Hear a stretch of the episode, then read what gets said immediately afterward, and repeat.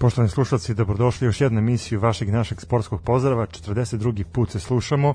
Jubilarni. Jubilarni, eto, to je nama svaka emisija jubilarna postala već, ali ova je specijal i ova je mnogo drugačija od ostalih emisija koje smo snimali. Prvo što nam je studio poprično popunjen, osim što imamo goste, imamo i navijače. Tako je, pa napredujemo čoveče, svakim danom u svakom pogledu kao je ova država rastemo i razvijamo se, samo što je država zaostala u razvoju, a nismo ni mi ništa bolji.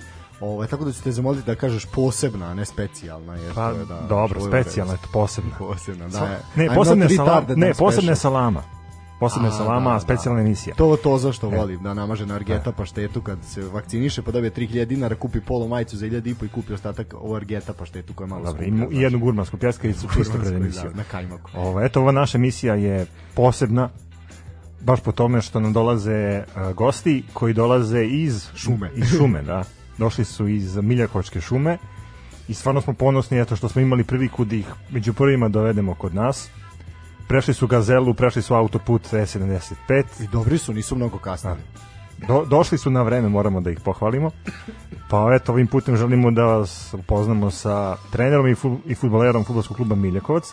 Pa vas, momci, eto ja molim da se predstavite našim slušalcima. Vas kolikom slušalaštvo. Pre svega dobar dan svima, ja sam Petar Vuknovaković i radim kao trener futbolskog kluba Miljakovac. Pored toga studiram e, pravni fakultet na Univerzitetu u Beogradu i evo došli smo ja i Đolo ovde danas zajedno da vam na neki način predočimo našu priču i našu ideju kako treba da izgleda jedan futbolski klub u Srbiji. Bilo da je to reč o Beton ligi, o zoni ili Super ligi koju svi toliko volimo i pratimo. Ne bih dužio u uvodu, dao bi reč Đoletu da predstavi sebe. Dobar dan, slušalci. Prvo da se otkravimo od ovih početnih forica i da se predstavim. Ja sam Đorđe Tomić, futbaler futbolskog kluba Miljakovac.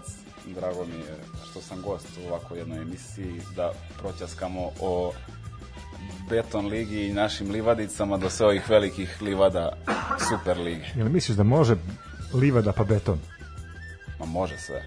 Pa tako prave autoput, je. Pa, Pa, tampon, tampon. tampon Evo, ja sam- zona. Da, ta, ta reč, ta, ta Čekaj, izraz tampon ili zona. krampon? Krampon zona. Pa, da, da li je više vaša liga tampon zona ili krampon zona? Pa da, mislim, naša liga je baš specifična. Tu svašta može da se vidi. Igra se i na betonu, i na pesku, i na travi. I bez linija, i sa linijama. Znači, i bez... quattro stagione.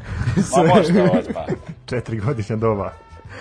Dobro, e, ništa, aj pošto je danas ponedeljak najomraženiji dan ovaj u istoriji čovečanstva ili utorak, ne znam koji je. Zapravo ponedeljak više mrzimo, utorak je malo depresivan. Već sreda postaje malo bolja i četvrtak je mali petak, petak već ohaha i gotovo, subota je u krug. Ovaj mi ćemo standardno se baviti našom tematikom, a to su svakako e, naše travnate podloge, one koje su ostale travnate ovog vikenda s obzirom na obilne padavine ovaj epskih razmera što bi rekli vi na RTS-u. Pa ni, nismo očekali ovako vreme. Pa vidi kao da je neko na dugme isključio leto. Znači, aj danas se kao malo vratilo. Jebote, šta je ovo bilo prethodno tri dana? Znači, 5 stepeni je bilo, morao sam jaknu Jeste, da jakna, kapa, šal, U rukavice. avgustu sam nosio šal i smrzao sam se. Zaista nema smisla, znači molio bih RHMZ da... Pa se reaguje. ne videla sneg u maju, eto, mi smo videli zimu u avgustu, Pa da, videli smo novembar u avgustu, znaš, pa da. U novembru biće u decembru. Do, dobre, nećemo više sa ovaj pop hitovima. Idemo, idemo redom. Mi smo, kao što znate, prošli put imali uh, našu dragu Ružu iz fudbalskog kluba Voždovac. Njoj se smo se zahvalili, opet se zahvaljujemo na gostovanju. Uh, A danas smo dobili Lalu. da, danas smo dobili Lalo, ali doći ćemo do Lale, ovaj, polako, idemo redom. Utakmica koju smo mi kao pratili u tom razgovoru s Ružom, pošto nas je Ruža ovde šamarala, ovaj, nije nam dala puno da, da vrdamo i da bude onako kako mi hoćemo. TSC Mladost se igrala u tom periodu, malo smo prokomentarisali, sad ćemo reći u suštini ono što je najbitnije. TSC je odigrao odlično prvo polu vreme, e, postigao oba gola u tom periodu, prodali su bukvalno dve, dve identične forice kao na pesu, ovaj Đuro Zec i Banjac su prošli duž uh, goal out linije, ušli u peterac u prvom, pri, pri prvom pogodku asistirali Tomanoviću u 27. minutu, a na sličan način asistirali isto Irkoviću kada je katastrofalna reakcija odbrane mladosti iz Lučana, znači lopta je prošla kroz peterac, kotrljala se kroz peterac, niko živi nije reagovao, 2-0, kasnije je Jovanović smanjio na 2-1, povratnik eto u mladost iz Lučana Saša Ivanović možda i najkvalitetniji igrač tamo nažalost mladost ostaje ostaje opet bez bodova e, napričamo svakako trebao sam da napravim, ali nisam stigao zbog obeza koji su sve timovi u regionalnim ligama e, da još uvijek nisu skupili, skupili ni jedan bod. Uh, što se tiče ova, ove dve ekipe, oni su se do sada sastali pet puta, ne računajući ovaj meč, četiri puta u prvenstvu, jednom u kupu, tri prvenstvena meča dobila ekipa iz Sente privremeno, jel, sa po 5-1, 3-0 i 5-0, a poslednji okušaj u aprilu ove godine pripao je mladosti sa 2-1, u pomenutoj kupu utakmici takođe je tim iz Lučana prošao dalje tek nakon penala. Što se tiče ove utakmice, to je bio oproštaj TSC-a od Sente, i onako jedna lepa, lepa panoramska fotografija je ostala nakon što su se momci povukli sa terena, onako jedno krvavo nebo je viđeno ponovo nad centom i hvala Senti na gostoprimstvu, bili smo i mi tamo, zaista je bilo lepo iskustvo i čekamo da se u petak otvori to velelepno zdanje, taj Mi novi se nadamo stadion. da ćemo biti na licu mesta. Da, da ja se iskreno to nadam, jer toliko prenesemo. želim da to prisustvujem tamo. Tako da, šta znam, ovaj, eto, Da, dolazi Ferenc Varoš, što smo napomenuli, znači utakmice će se igrati u petak od 16 časova, eto jedan ovaj da kažemo bratski derbi, ovaj će biti između ove dve ekipe. svakako, dobra fudbalska utakmica se očekuje u Da, Topoli, eto, na otvaranje jednom- stadiona. na jednom lepom, lepom zdanju. Momci, kako vi vidite TSC uopšte kao projekat i kako on se čini sad pod Mladenom Krstajićem? Pa pogotovo ove sezone izgledaju izuzetno dobro i izgledaju kao jedna od retkih ekipa koja možda može da ugrozi, da kažemo, večite, taj dvojac na vrhu. Se tiče samog projek projekta, taj stadion, ta TSC arena izgleda jako dobro i ja se isto kao i vi nadam da ću biti tu na tom, toj utakmici kada će doći Ferenc Varoš. Mislim da ceo projekat ima taj neki mađarski šmek koji sam ja lično mogao da vidim sad kad sam bio u, Budimpešti na evropskom prvenstvu gde sam više obilazio stadione u Budimpešti nego, da kažemo, neke, ne, neki vid kulture i trgove i tako te stvari, pa sam išao i do Ujpešta i do Vašša koji je drugoligaš i stvarno kada uđete u infrastrukturu kluba koji je u drugoj ligi i vidite da je to na nivou teleoptika Partizanovog, ako ne i bolje, bude vam jasno u kom smeru ide njihov futbal, a ko, u kom smeru nažalost ide naš. Meni je drago da eto, se pojavljuje jedan klub koji će moći možda u budućnosti da ugrozi Partizan i Zvezdu, jer će to sigurno učiniti ligu zanimljivijom, ali mi je žao što drugi investitori u ovoj državi ne vide nešto lepo u tome i ne, ne vide dobar primer kojim oni mogu da se vode, već ima dosta loših reči u, u svijetu futbala zbog toga što je to strani kapital. Ja u tome ništa loše ne vidim.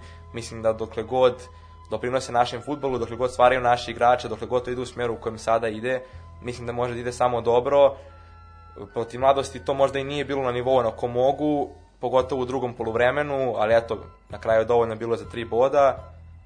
Neki zaključak da će to stvarno u petak biti spektakl i volao bih da vidim za par sezona TSC i još neki klub sa sličnom pričom da uđe u trku sa Zvezdom i Partizanom jer to podiže jednostavno nivo cijele, cijele lige. Svakako oni ulaze u trku sa Zvezdom i Partizanom i sa još nekim klubovima koji se nalaze u vrhu tabele, ali ono što mi od, iskreno od TSC očekujemo to je iskorak u evropskim takmičenjima. Sad imaju stvarno dobar potencijal za to, eto stadion je nov, uh, imaju trening bazu koja je poprilično Akademija je dobra i, akade, i fantastična, akademija da. koja sarađuje sa akademijom Puškaš koja je isto ovaj, filijala Ferenc Varoša, tako da stvarno očekujemo od TSC da napravi korak dalje u odnosu na sezonu kada su igrali kvalifikacije za Ligu Evropa. Pa da, igrali su tu čuvenu utakmicu sa Steuom koja se ono dešava jednom u milion godina, verovatno onako. A i trebalo je to da se preživi. A ne, naravno, mislim sve to stoji, to su sve ovaj što kažu prvi prvi mačići se vodu bacaju, ali svakako hrabar hrabar hrabar iskorak je bio i to tada. Uh, što se tiče TSC i to što si rekao, znaš čemu je tu najveći problem? Problem je u tome što i zašto to smeta, zato što kada je to privatno i kada to neko daje veliku količinu novca kakva se zaista ulaže u TSC, onda želi da zna kuda taj novac ide i za šta se taj novac daje, da se neće napraviti četiri vikendice od jednog transfera, nego da će to ići za transfer i za plate igračima. Zašto? Svi su se čudili kad su uh, Đurozec, Lukić i tako dalje produžavali ugovore i kao pa neću da idem, zašto bih ja otišao Pa, za redovne veću plate, platu, da, kad je ovde Dobri redovno. uslovi za trening.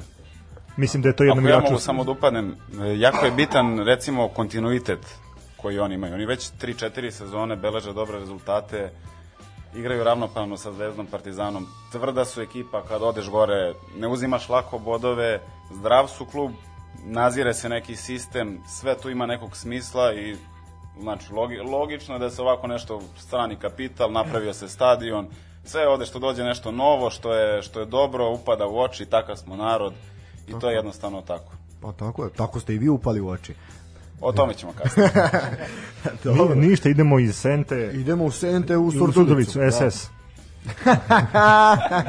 Samo kažem Senta Surdulica. Da, da, da, da. Obično smo išli iz Subotice u Niš. To je bilo da ta linija će se zbog nas otvoriti. Uh, e, vrlo, vrlo jedan zanimljiv meč, meč je viđen u Surdulici. Uh, prvo i pre svega ćemo reći I mogu da, je... kažem da, da je ovaj susret igran po prilično ok vremenu.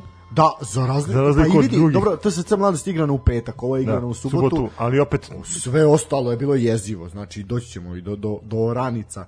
E, što se tiče radnika i Spartaka, reći ću prvo što se tiče transfer novosti, da je radnik potpisao Dušana Hodžića, e sad onaj ko prati malo ovaj region, zna o kom momku se radi, to je momak koji je pa može se reći legenda futbal menadžera i ovaj BH Telekom Premier lige. Ovaj čovjek je igrao za Sarajevo, za radnik iz Bijeljine, evo sad će malo okušati sreći u našoj Super ligi i mene raduju takvi transferi iz jedne jednu drugu ligu. Kakav pogodak proletera, staćemo za trenutak. Ne, ne, ne, ovo mora se preklesti. Offside, offside. Offside, offside. Da gleda, gledat će se var. Gledat će se var. E, da, svakako na, u ovom terminu kako, kako mi radio emisiju igra se proleter iz radnički i protiv radničkog iz smo u Novom. Sadu, da, navikli su da ja prekidam ono kad se uzbudim u ovako nekog poteza. Da, pokušao je ovaj, u stilu Robina Van Persie, ali nije mu prošlo da, na svetskom prvenstvu, ipak je bio offside. E, što se tiče ovoga, e, Dušan Hodžić, zanimljiv transfer, čovjek koji je odigrao brdo nastupa za Sarajevo, pa kasnije za radnik iz Bijeljine i raduje me ti transferi, ali onda vidimo, znaš, ako se neko istakao kao, na primjer, Goran Zakarić, pre koje godine bio najbolji asistent Bosanske lige, najbolji igrač MVP lige, pa je došao u Partizan, u Partizanu je igrao toplo hladno, ajde bile su tu promene trenera, nije se baš snašao i kod Save Miloševića i sve, pa se opet eto vratio, opet igra značajnu ulogu u Bosni. Da vidimo čisto gde su oni, gde smo mi u odnosu nekog kvaliteta i uopšte, pa i odnosa prema igri i radu. Što se tiče same utakmice, e, do tog dana je radnik u Zvezdu i Partizan bio jedini tim u ligi bez poraza, ali eto i to se promenilo. Subotičani su odneli ceo plen sa juga Srbije. Prvi put od kako se sastaju sa radnikom su pobedili u gostima. Imao je Spartak dva gola prednosti, ali od momenta kada je Jezdimirović isključen u 73. minutu, radnik je zaista preuzeo totalnu inicijativu, uspeo je da prepolovi prednost, ali nije uspeo, nije imao dovoljno snage da, da nadoknadi totalno i da preokrene rezultat. Treba istaknuti ponovo mladog Hristića koji je prošlom kolu bio strelac dva gola, evo sad je ponovo bio strelac, zaista ovaj talentovani napadač, onako sa dva kola već stavlja fokus na, na sebe. E, kad smo kod Spartaka, Spartak ima osim donošenja tri boda u Suboticu još jednu jako lepu vest. Tako je. A, Lazar Tufekčić je rešio da ostani produži ugovor. Da, do zime Znači- 2022. i to je pametna odluka, Pa, pametna odluka. jeste, definitivno. Mislim da je ovo jako dobra sredina, da on i dalje nastavi sa dobrim partijama. Eto, spominjao se Kluž koji je upao u neke probleme. Da, pričali smo o tome da se ljudi tuku u slačionici, da to ono nema baš baš jezivo, jezivo deluje i mislim da je zaista pametna odluka da sada nije momenat da se ide, a u Kluži pogotovo. Ovaj bolje je ostati do kraja polusezone. Pritom pošto je- ambicije Spartaka su da napadnu deo Tako je, tabele. Play-off, play-off i realno jesu za, za play-off. E, što se tiče imamo Hristića jel, sa jednog Hrstića pardon s jedne strane, a imamo i Uroša Milovanovića, špica radnika koji je no, takođe nastavio taj golgetarski niz, do duše ovaj put sa 11 terca. Sad je veliko pitanje da li bi bilo neke drame u posljednjih 15 minuta da nije bilo crvenog kartona, a i onda penala u korist radnika.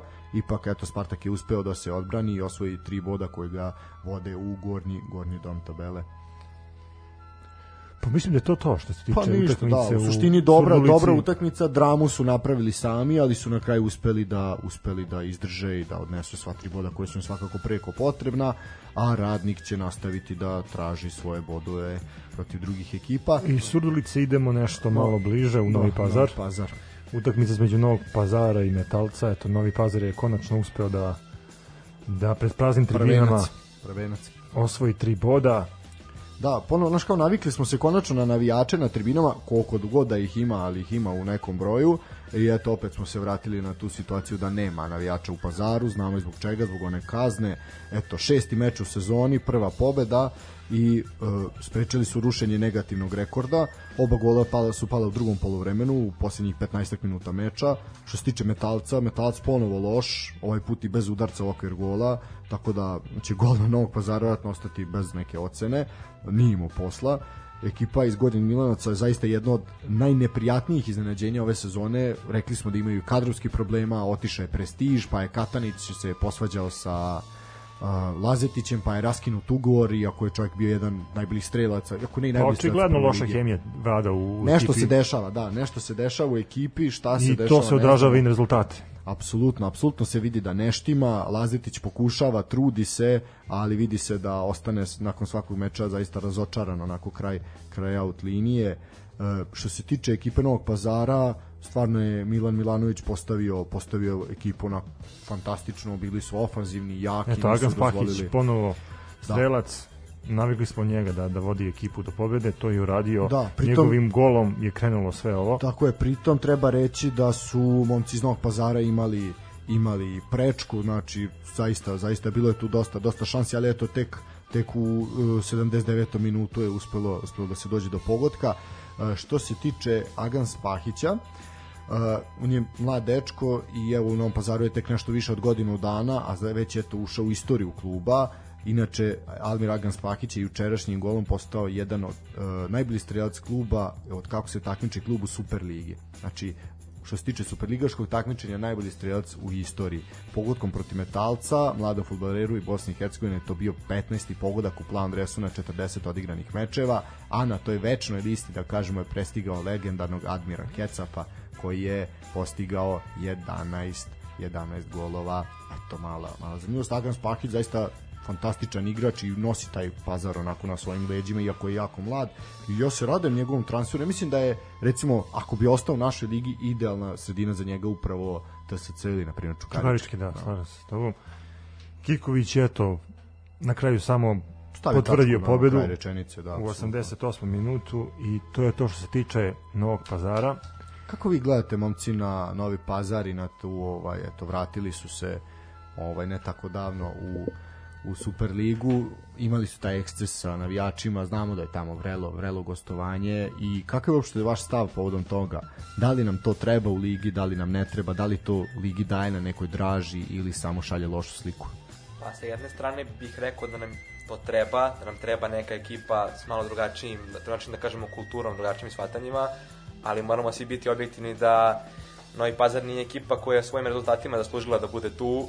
Novi Pazar je tu zato što je neko na neki način, nekim pravilnikom, nekim novcem ušao u ligu kada jedna ekipa koja je zaslužila da uđe nije mogla iz razloga koji su nam svima poznati i mislim da je to jedna stvar koja će pratiti Novi Pazar i treba da ih prati jer nije u redu da ekipa koja, jasno da kažemo, na toj listi bila treća ili čak čet- četvrta, ne uđe zato što se neka ekipa izašla, već uđe onaj kod ponudi više para na toj licitaciji. Tako lici- li- licitiramo s našim futbalom i ne vodi to nigde.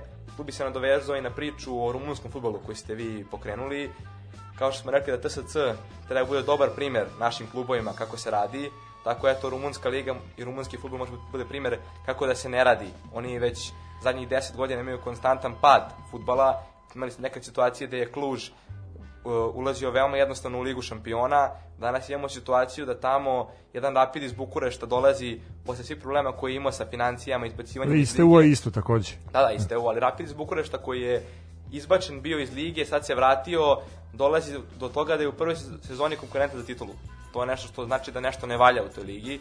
Videli smo Kluži protiv Zvezde, da to nije na nivou ekipe koja bi trebala da bude egao sa Partizanom i Zvezdom. Zvezda je to vrlo lako dobila što se tiče s moje tačke gledišta, ali da se vratim na Novi Pazar, e, što se tiče samih problema na stadionu, to je nešto što nam ne treba, svako, svaka priča o, o mržnji i svaka priča o netrpeljivosti, ne, ali mislim da Novi Pazar ni sam nije, nije zaslužio da bude tu gde jeste i mislim da o tome treba, treba da se priča. Ali evo vidiš, na primjer, oni su ušli kao sedmoplasirani ili koji Tako su je, bili, da, ovaj, u prvoj ligi, pa su ušli u Superligu, ali su više pokazali nego Zlatibor koji je bio bolje plasiran ili ovaj, eto, ekipa koja se ekspresno preselila nazad. Znači, Zlatibor je bio očajan. Dobro, ali Zlatibor je imao određenih finansijskih problema i mora da igra sa ekipom koja je bila u ligi ispod, ali opet su po meni časno se borili sad. A ne bih ja rekao da su oni su odustali od jednostavno pa dobro, ali pazi, jednostavno se videlo da oni nemaju taj kvalitet koji je potreban za Superligu.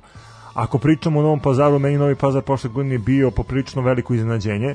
Mi smo očekivali da će oni ispasti, oni su na sreću, a između ostalog i na, i na svoju borbenost ostali u ligi. Ne, neke druge ekipe su ispale, doneli su neku promenu kada je u pitanju Superliga, ali eto, stoji ta etiketa kada spomenemo Novi Pazar da su ušli eto politički putem. Da. Uh, napravit ćemo kratku, kratku stanku, samo ćemo reći, znači na meču koji se trenutno igra u Novom Sadu između Proletera i Zadničkog Kragujevca trenutno je 1-1, Proleter je poveo u 14. minutu nakon kornera sa desne strane, Dušan Joković je sjajno skočio i postigao pogodak, a evo sada u 69. minutu nakon jednog centrašuta odbijala se tu lopta, nisu glavom očistili to odbrambeni igrači Proletera i legenda Radničkog iz Kragujevca Mirić je tu sjajnim volejem onako iz prve poslao, poslao loptu u mrežu 1-1.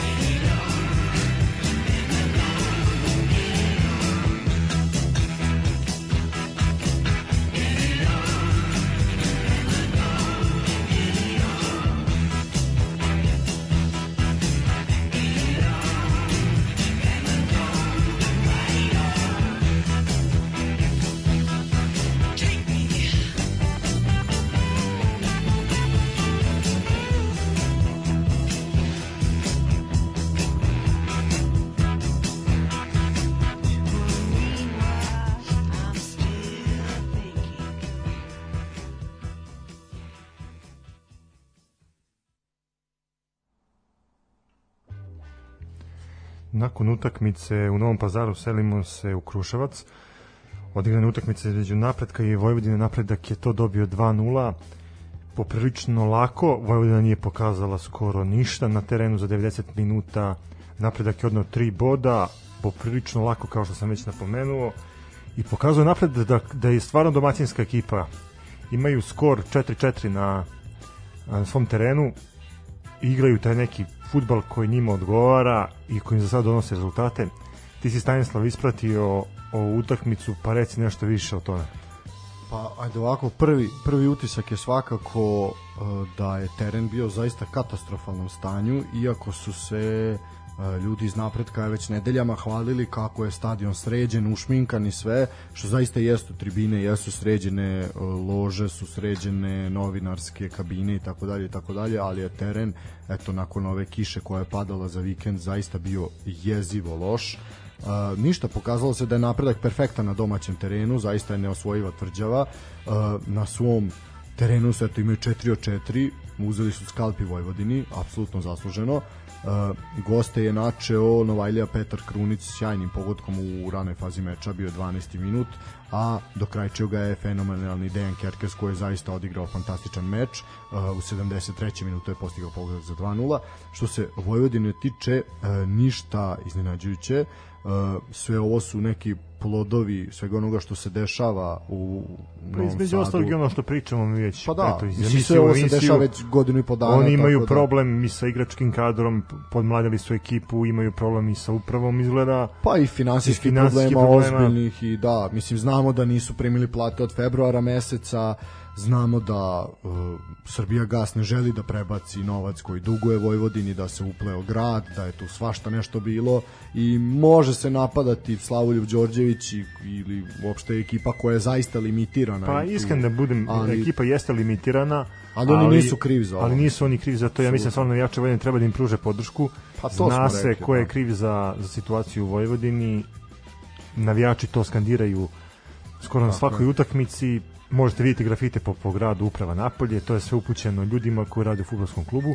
Očigledno negde neštima kad je u pitanju futbolski klub Vojvodina. Pa ne, negde, zna se gde neštima, neštima uprava, da, neštima to što nema para, što su ljudi, da ne kažem, gladni, ovaj to to je svakako problem i to ne mislim samo na fudbalere nego uopšte svi zaposleni u klubu su su bez plata imate situaciju eto a klub se hvali uh, otvorenim analitičkim sektorom jel da su E pa ovaj, kad smo kod analitičkog novac. sektora, mislim da im je stvarno potrebna analiza, a imaju oni analizu detaljna analiza ali- ove utakmice u, u Kruševcu.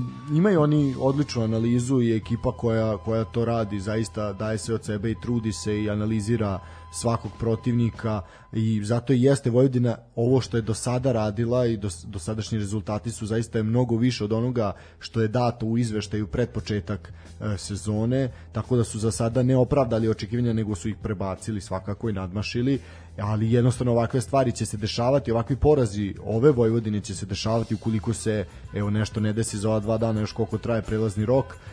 Misliš da će nešto doći do... Ma nema šanse. Nema teorije. Oni ako uspeju da zadrže, zadrže ove momke koje, koje imaju, to će biti odlično. Ako neko ne ode, a onda nekim je sam Bog u pomoći šta mogu da urade. Zaista ne znam, eto, u do, do sadašnjem toku sezone Vojvodina doživjela četiri poraza, a eto, četiri poraza su imali pod Latovićem za celu jesenju polusezonu. stvarno ekipa se nalazi u nekom problemu, ali eto, nećemo o njima, dosta smo pričali. Idemo tiče- na, na derbi kola koji se igrao na Banovom brdu između Čukaričkog i Crvene zvezde. Tako je. Uh, De- de, to delo su je- bili teški uslovi Pa za igru. Da. Bili teški uslovi za igru. Impozantan primer je ovaj upravo to da smo imali otežano trčanje, da se lopta loše kretala, ali pored toga videli smo tri gola. Zvezda je ovu utakmicu dobila rezultatom 2-1. Napadala je čini se nekad da eto Čukarički nije mogao da odeli Zvezdi. Ne, zaista je Zvezda onako dominirala i poprilično lako je došla do, do pobede. Mogla je pobeda biti i znatno ubedljivija. Uh, mislim da je Čukarički odigrao mislim najlaš, najlošiju utakmicu ove sezone ako isključimo onaj Hammarby u gostima.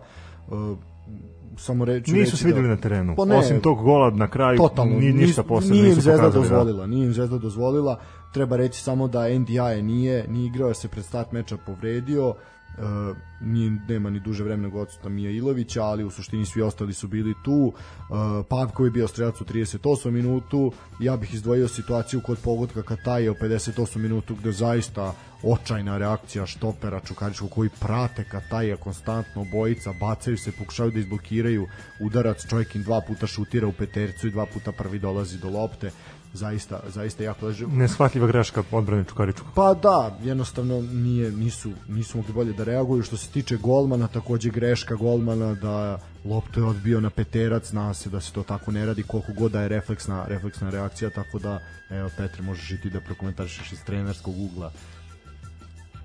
Pa, što se toga tiče, meni je prvo veoma nejasno zašto je gospodin Dušan Đorđević napustio Čukarički, možemo govoriti... Možda... Čovek je rekao da osjeća krivicu zbog loših rezultata i da jednostavno on osjeća odgovornost i pa, čovjek... Meni je to jasno, ali kojih loših rezultata? Vi ste došli na Hamarbi... Koji... Pa imali su poraz od Kolubare, pa Hamarbi, pa onda još jedan poraz je bio, da. Da, ali to je početak sezone. Moramo biti svesni projekta koji on gradio u tom klubu, uh, poleti njihovu transfer politiku dok je on bio tu. Mali Aleksi Janković, koji dolazi iz direktnog rivala, direktnog konkurenta iz Voždovca, kao super talenat, to je pokazao, vraćanje NDI, drugi transferi. Meni prvo to to nije bilo, to nije bilo pretredno jasno. Ok, ako je on lično sam želeo da ode, svakom čast na tome, ali smatram da, da je on bio jedan od najboljih, najboljih naših trenera, naših trenera ovde. Što se tiče same utakmice, e, mislim da Čukaričkom treba vremena da se navikne na promenu igre koju je donao verovatno Saša Ilić. Zvezda i po onom terenu bila možda ljudi koji nisu gledali utakmicu to ne vide po rezultatu, ali stvarno je bila dominantna na, na utakmici i meni je žao što Čukarički igra tako toplo-hladno, jer mislim da svojim kvalitetom i svojim igračkim kadrom može da bude u vrhu našeg futbola, da bude predsednik našeg futbola, što je generalno i pokazao u prvoj utakmici na stadionu Partizana protiv Hamarbija. Međutim, očigledno je da i, i tu nešto neštima. Videli smo prethodnih dana komentare njihovog sportskog direktora kako nemaju uslove za treninge, kako nemaju terene pomoćne, kako nemaju ovo, kako nemaju ono. Kako smo došli brzo od toga da su oni ekipa sa najboljim uslovima, do toga da nemaju pomalo, po mom mišljenju, licemerno, tako da ne bih pretrano komentarisao tu dešavanje dok ne, ne vidim šta se dešava uh, u nastavku, u nastavku takmičenja, ali ovo što sam gledao protiv Zvezde i utakmicu u Švedskoj, stvarno ne liči na Čukarički od, eh, od, prošle, od prošle sezone. Pa vidi, svi su očekivali, Kolubarom isto tako. Da se ne možemo, svi su očekivali pobedu Crvene zvezde, ali ja sam barem očekivao jači otpor Čukaričkog. Da, ali ovde, ovde pričamo o utakmici koja je završena 2-1 za Zvezdu. Kada pogledate zvuči da je bilo da je bilo gusto, gusto da. da utakmice, A nije bilo. Da, da, da utakmice je blizu. Utakmica igrala samo na jednoj strani. Ok, Đolo Jovanović ponovo majestralan dao je go, stvarno je dečko u top formi i pokazuje da je Partizan pogrešio sa, sa njegovim puštanjem tako rano u, u Belgiju. Međutim, vidjet ćemo, nisam pametan, više bih volao da govorimo o Čukaričkom za mesec, za dva, kad vidim projekat Saša Ilića, ali za sada to ne ide u smjeru u kom sam ja očekivao i moguće da su mi oni uz, uz metalac verovatno najneprijatnije iznenađenje do sada u, u takmičenju. Da, s tim da evo, ovaj, reći ću sad, nadvezat ću se na tvoju priču, kažeš ko je pustio Dušana Đorđića, čovjek koji je procentualno najuspešniji trener, ovaj, I, ali problem je tome što Čukarički nema sportskog direktora trenutno, ovaj, što je Mirosaljević pre meseci po dana otišao, nakon eto šest i po godina provedenih u klubu, sedam i po, pardon, ovaj, i naš neko je trebao, ok, na, ale tri loše rezultata ste vezali, ništa ne funkcioniše, shvatam, ja shvatam zašto kako, u kojoj situaciji se našao ovaj, gospodin Dušan Đorđević, ali onda treba da ima nekog, jel, ko će reći, alo, stani, smiri se, sačekaj, prenoći, nek ta odluka malo se ovaj spusti pa da vidimo da vidimo šta smo i gde smo. Međutim kada tu nema očigledno je ovaj neko rasulo u strukturama i zato zato dolazi do toga. E sad veliko je pitanje da li je Sašelić dobar izbor za Čukarički, mi smo o tome nešto pričali prošli prošli put i pretprošli, ali kao ta šok terapija prva je bila uspešna, pobedili su u gostima, odlično su igrali, igrali su onako kako treba da igraju, kako i svi prepoznaju po toj igri, ali vidjet ćemo koliko zapravo on može nešto da doprinese i koliko može da razdrma. Svakako, da kad ti druga utakmica protiv Crvene zvezde, to nije, nije merilo. Tako je, tako je.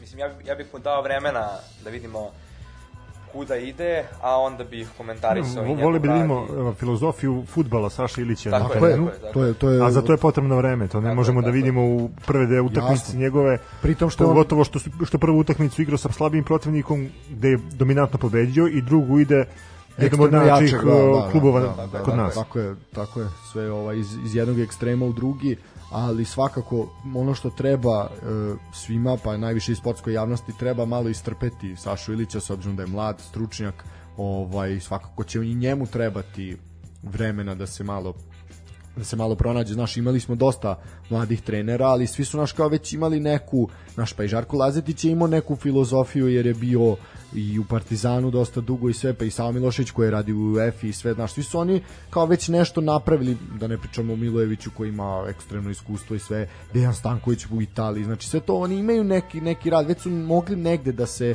pronađu nekoj filozofiji stilu futbala, a sad mi Sašilići, Sašilića nismo puno gledali s obzirom da je vodio kadetsku reprezentaciju, Da, sam vidio. da tako da to je totalno totalno čak i drugi i drugi sport. Ništa, svu sreću mu želimo i svakako da treba da opravda sve ono što je godinama rađeno u Čukaričkom. Rekli smo čak i Dušan Đorđević kad se podvuče crta, crta je uradio za jedan stepenik više od njegovog prethodnika. što je jako važno u svakom klubu. Evo imamo primjer u Arsenalu od odlaska Wengera, svako je stepen niže, a ne stepen više. Nema Tako je. sistema, nema, nema, nema ničega. Ovo ne nije stepenik, ovo ide u podrum. Dobro, dobro, da, naravno, naravno. Tako da eto, ni- nije mu lako sigurno u ovom trenutku da opravda i naša i očekivanja cijele javnosti futbolske, ali kao što ste vi rekli, želimo mu svi puno, puno sreće. Da, samo da se ne desi ono brzo pojedemo svoju legendu, to je ono što je, da, to je, Zaboravimo neke stvari, da, to je. to, to je najveći problem. Uh, Ništa, idemo Sa dalje. Brda- sa Banovog brda brda idemo na Topčidersko brdo, gde je Partizan igrao utakmicu sa radničkim iz Niša. tako je, nedelja 21 čas. Poprilično slična situacija kao sa kao Zvezda sa Čukaričkim, igralo se na jednoj polovini Pa zapravo prvih 20 minuta i nije tako bilo. Ovaj prvih 20 minuta su stvarno ovaj igrači Partizana onako dremali. Ovaj, Mislim da, da su tražili pogodan način kako da, da napadnu Pa ne, ne, i dođe malo je, do, malo do je nešto gola. falo. Ili je radnički imao zapravo toliko snage da se odupre tih prvih 20 minuta, posle su, kad su primili prvi gol, tu je, tu je sve, Tu je sve palo u vodu. palo u vodu. Da. Međutim, m, znamo da je radnički došao bez trenera, Aleksandar Stanković je napustio klub, došli su sa trenerom omladinaca, dobro i taj, i taj neki otpor koji su pružili u tih nekih prvih 20 minuta je zaista mislim njihov maksimum protiv Partizana i protiv ekipa ranga Partizana u ovom momentu što se tiče Partizana 25. minut je počelo da se onako da se igra do tada je bilo toplo hladno dva sjajna centaršuta Živkovića, ubitačni Ricardo koji je dva puta fantastično skočio. E sad kod prvog pogotka u 36. minutu se dosta dugo gledao VAR, da li je lopta prešla liniju, nije prešla liniju i onda smo tek shvatili da mi imamo VAR pod znacima navoda, a nemamo gol A, tehnologiju. I da smo izgubili 10 minuta, kako god I da smo izgubili 7 minuta na gledanje snimka, znači koje je bilo poprilično jezivo. E sad ja sam uporedu, e, pošto smo mi bili prisutni, gledali smo jel utakmicu uživo i uporedu sam pratio snimak e, prenos preko arene gde su uglovi snimanja bili jezivi. Ja mogu samo da ti kažem jednu jako zanimljivu informaciju. U to vreme dok je uh, futbolska komisija proveravala VAR tehnologijom da li je gol ili nije, uh, meni je prijatelj koji je futbolski sudija iz Poljske već pokazao rekao da je da jeste. Znači, znali smo pet minuta ranije pre nego što je sudija zvanično ovaj, su- svirao Tako je. Pritom si sam rekao sudija Pogodak? iz Poljske. Znači ne iz ni ona, ovaj iz UEFA, nego nego iz Poljske. Mislim što da, je da, sudija koji sudi ekstra klasu. Pa da, hoću kažem, znači ne, ne sudija, nije Milorad Mažić došao i rekao, znaš, pa da je sad to neko čudo koje je on primetio. Ne, sve videće oko, nego je nego nešto što je bilo svima svima jasno i očigledno. Pritom kažem, uglovi snimanja su jezivi. O, ima si samo jednu kameru koja snima po toj po toj strani terena, znači gde si možda mogao da proceniš da li je bilo, tačnije to snima sa zapadne tribine, jel? Da, ovaj zapadne. Gde si mogao možda da proceniš da li je lopta ušla ili nije ušla. Ostale dve kamere su snime sa, snimaju sa centra terena bliže terenu, znači jednostavno ugao gleda direkt na gol, ti nema šanse da proceniš. Uh, paralelno u tom momentu dok se igrao sa što se tiče Vara, uh, u tom momentu se igrao uh, derbi u HNL-u između Osijeka i Dinama, gde se ista slična situacija desila. Desilo se pitanje da li je kazneni udarac ili nije kazneni udarac u kaznenom prostoru Dinama, gde je kamera isto tako na gradskom vrtu na zapadnoj tribini jako visoko postavljena ali su ljudi koji su pratili utakmicu i sam sa preko arene, jel? Uh, prvo samo gledanje snimka je trajalo duplo kraće, znači 3 minuta je VAR soba većala, oni su na kraju rekli sudi da on sam odluči,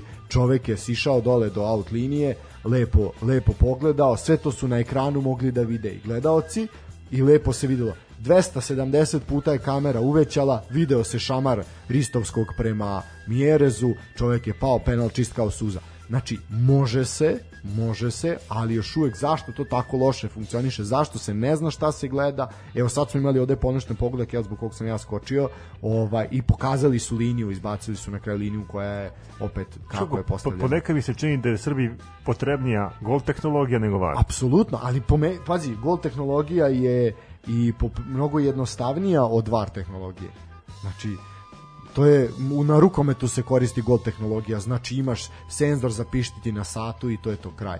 Mislim to zaista nije nije nešto teško. Evo još jedan poništen pogodak. Ovo je čist offside. Iz aviona se videlo da je Mirić bio u offside-u. Ovaj ostaje 1-1 u 89. minutu. Tako da eto zaista kako vi momci vidite VAR za sada među Srbima? Ja bih prvo da iskomentarišem to što gledaoci kao gledaoci gledaš arenu sport tebi je utakmica svaka pokrivena sa dve kamere. Tri. Tri. Tri, da. I to i plus o kvalitetu samog prenosa koji je 240 piksela kao na streamu da gledam preko arene. Evo iskreno da. pričam. Da, da, jeste. Onda dođu tako sad je, u nekoj situaciji, imaš tri kamere i onda dođe finale kupa da idu kao dron, ovo, ono. Da, hvale se, hvale se 16, da. 16 kamera, od toga su četiri na terenu, ovih 8 gledaju van stadiona. Tako kao, mi radimo prenos sa 16 kamera, da. Tako je, i onda dolazimo do zaključka što ste vi rekli, gol tehnologija, ako bi se dovela koja kamera više, možda bi iz nekih uglova moglo da se vidi preko tih kamera da li je ovse. Ne, da li... imaš tri kamere, sve tri kamere ti gledaju iz istog ugla. Tako je, ima po sredini, iza gola i to je to opet izvlačenje linija. Ovaj da, pa mislim pričali smo sa Ružom u tome prošlu prošlu emisiju, eto ona kao predstavnik Voždovca i oni su više za to naš kao ok, nek se sad vežbaju, ali da onda u play-offu i play-outu kad bude zaista važno da to funkcioniše. Ja sam negde složan, ajde da im damo neku šansu da vidimo da li će to se kroz par kola uhodati, ovaj, mada je već sad koliko kola je prošlo, imali smo samo katastrofe, znači od toga da je oštećen pa i Voždovac, pa i Kolubara, da je oštećen um, kako se zove ovaj metalac je bio oštećen. Znači imali smo i radnički i radnički. Mislim zaista ono sad je sve lista klubova koji su oštećeni je sve duža. Pritom imamo da VAR ne radi, o tome smo pričali, ovaj tu je par poruka stiglo. Šta vi mislite o tome sad ako je VAR sastavni deo fudbalske utakmice u Superligi e, i neizostavan, da li je onda utakmica regularna ako počne bez VAR-a? Mislim, to su propisi, ako imaš ti propis da utakmica stadion na kome se igra mora da ima VAR tehnologija, bez toga se ne kreće utakmica jednostavno. Ali eto vidiš na primjer od, odigralo se mislim, par utakmica da je mislim, VAR generalno je da. VAR u fudbalu došao kao neka kontraverza i svi su generalno u početku imali problema, tako da mislim da će ajde nadam se bar se i ovde kod nas su igrati da će to već postati neka rutina, da ne bolduju ove linije, da ih ne pomeraju metar od lopte. Tako da ajde, da sačekamo pa da vidimo. Znate što, nakon ovih 10 minuta koliko je trajalo to kontrolisanje, da. da li je lopta prešla liniju ili nije, zvanično je posljednut pogodak i da. Partizan je već ponovo 1-0, međutim krenuo je silovito da napada je, i do, do identična akcija, identična, identična akcija Živković je sa desne strane centrirao, Ricardo je ponovo glavom smestio loptu ovaj iza put je gola, jače, jače trzno, iza, iza linije Kahrimana jače trznuo glavom ovaj, i nije Kahriman uspio. Iako je dotakao loptu, ali nije uspeo da je spreči, lopta je jeste ovaj, udarila, udarila u mrežu i ušla u go. I na polovreme se otišlo sa vojstvom 2-0. Da, i onda je usledeo ovaj, jako, jako hladno, hladno vreme u Beogradu. Poprično smo se smrzli ovaj u avgustu da bi u drugom poluvremenu zaista Partizan nastavio tamo gde je stao i u 63. minutu je Ricardo zaista nesebično izbio pre, ispio je prvo pred golmana, a onda zaista nesebično pustio za Natha, podigao glavu, video ga, lepo mu asistirao, što je to zaista zaista lep potez. Imao je, nat, imao je partner Ricardo još jednu šansu kada je probio isto tako kao i treći gol, samo sa druge strane, sa desne strane i pratio ga je jedan igrač i on je tu spustio glavu, to je ono što smo mi pričali da najveća Ricardova mana, kad uzme loptu i spusti glavu, gotovo, on ide kao bik, on ne Pa gleda dobro, to je nikog. mana većine napadača. Pa zato, mislim da se mi ne lažemo, zato čovjek igra u Partizanu. To je pitao, pa zašto on ne igra u jačoj ligi kao on ovde dominira? Pa ni ne može da igra takav u jačoj ligi, razumeš, o tome se radi. Ovaj, čovjek nije video Jovića koji se fantastično otvorio, Da, sa, sa druge strane. tako je, šutirao je dosta slabo, Eto, golman je krzao loptu i lopta je prošla tik pored stative. Tako je, bilo je to dosta blizu. Bilo je tu još nekoliko šansi, pogotovo kad je Ricardo izašao, pa je Milovanović mladi pokušavao, međutim, pardon, Štulić je bio, da. izvinjavam se. A Da, i isti su kad- visoki, kad smo već visoki Štulića, ćelavi, dobro, da, dobro da. si ga pomenuo. Mi smo mislili da će on biti negde pozemljen, Da, eto, da je eto da. završio Pa ne za ovu sezonu da. kad je u pitanju Partizan, ali očigledno eto i Stanović ga dalje drži u nekom Pa vidi, nemaš osim Ricarda ni jednog drugog napadača, mislim. Klasičnog napadača. Imaš Holendera koji može da odigra špice ako mu nije po vokaciji, ovaj, ali ti nemaš klasičnog napadača, osim Milovanovića koji ima 16,5 godina i ovaj i, i Baždara. Pa Baždar nije isto klasičan, Baždar je krilo. Dobro, pričamo o napadačima. Pa ne, ali pričamo o klasičnim napadačima. Imaš i Holendera koji je više krilo nego što je ili neki polu špic, ali nije klasičan stameni sidraš kako Partizan igra, njemu i treba takav. Štulić jeste to i mislim da je dobar potez što je ostao, mislim da Štulić ima šta da pruži Partizanu. Ovaj videli smo to i prošle sezone gde se sjajno snalazi u onim prilikama koje je dobio, ali moraš dobiti šansu da bi se snašao.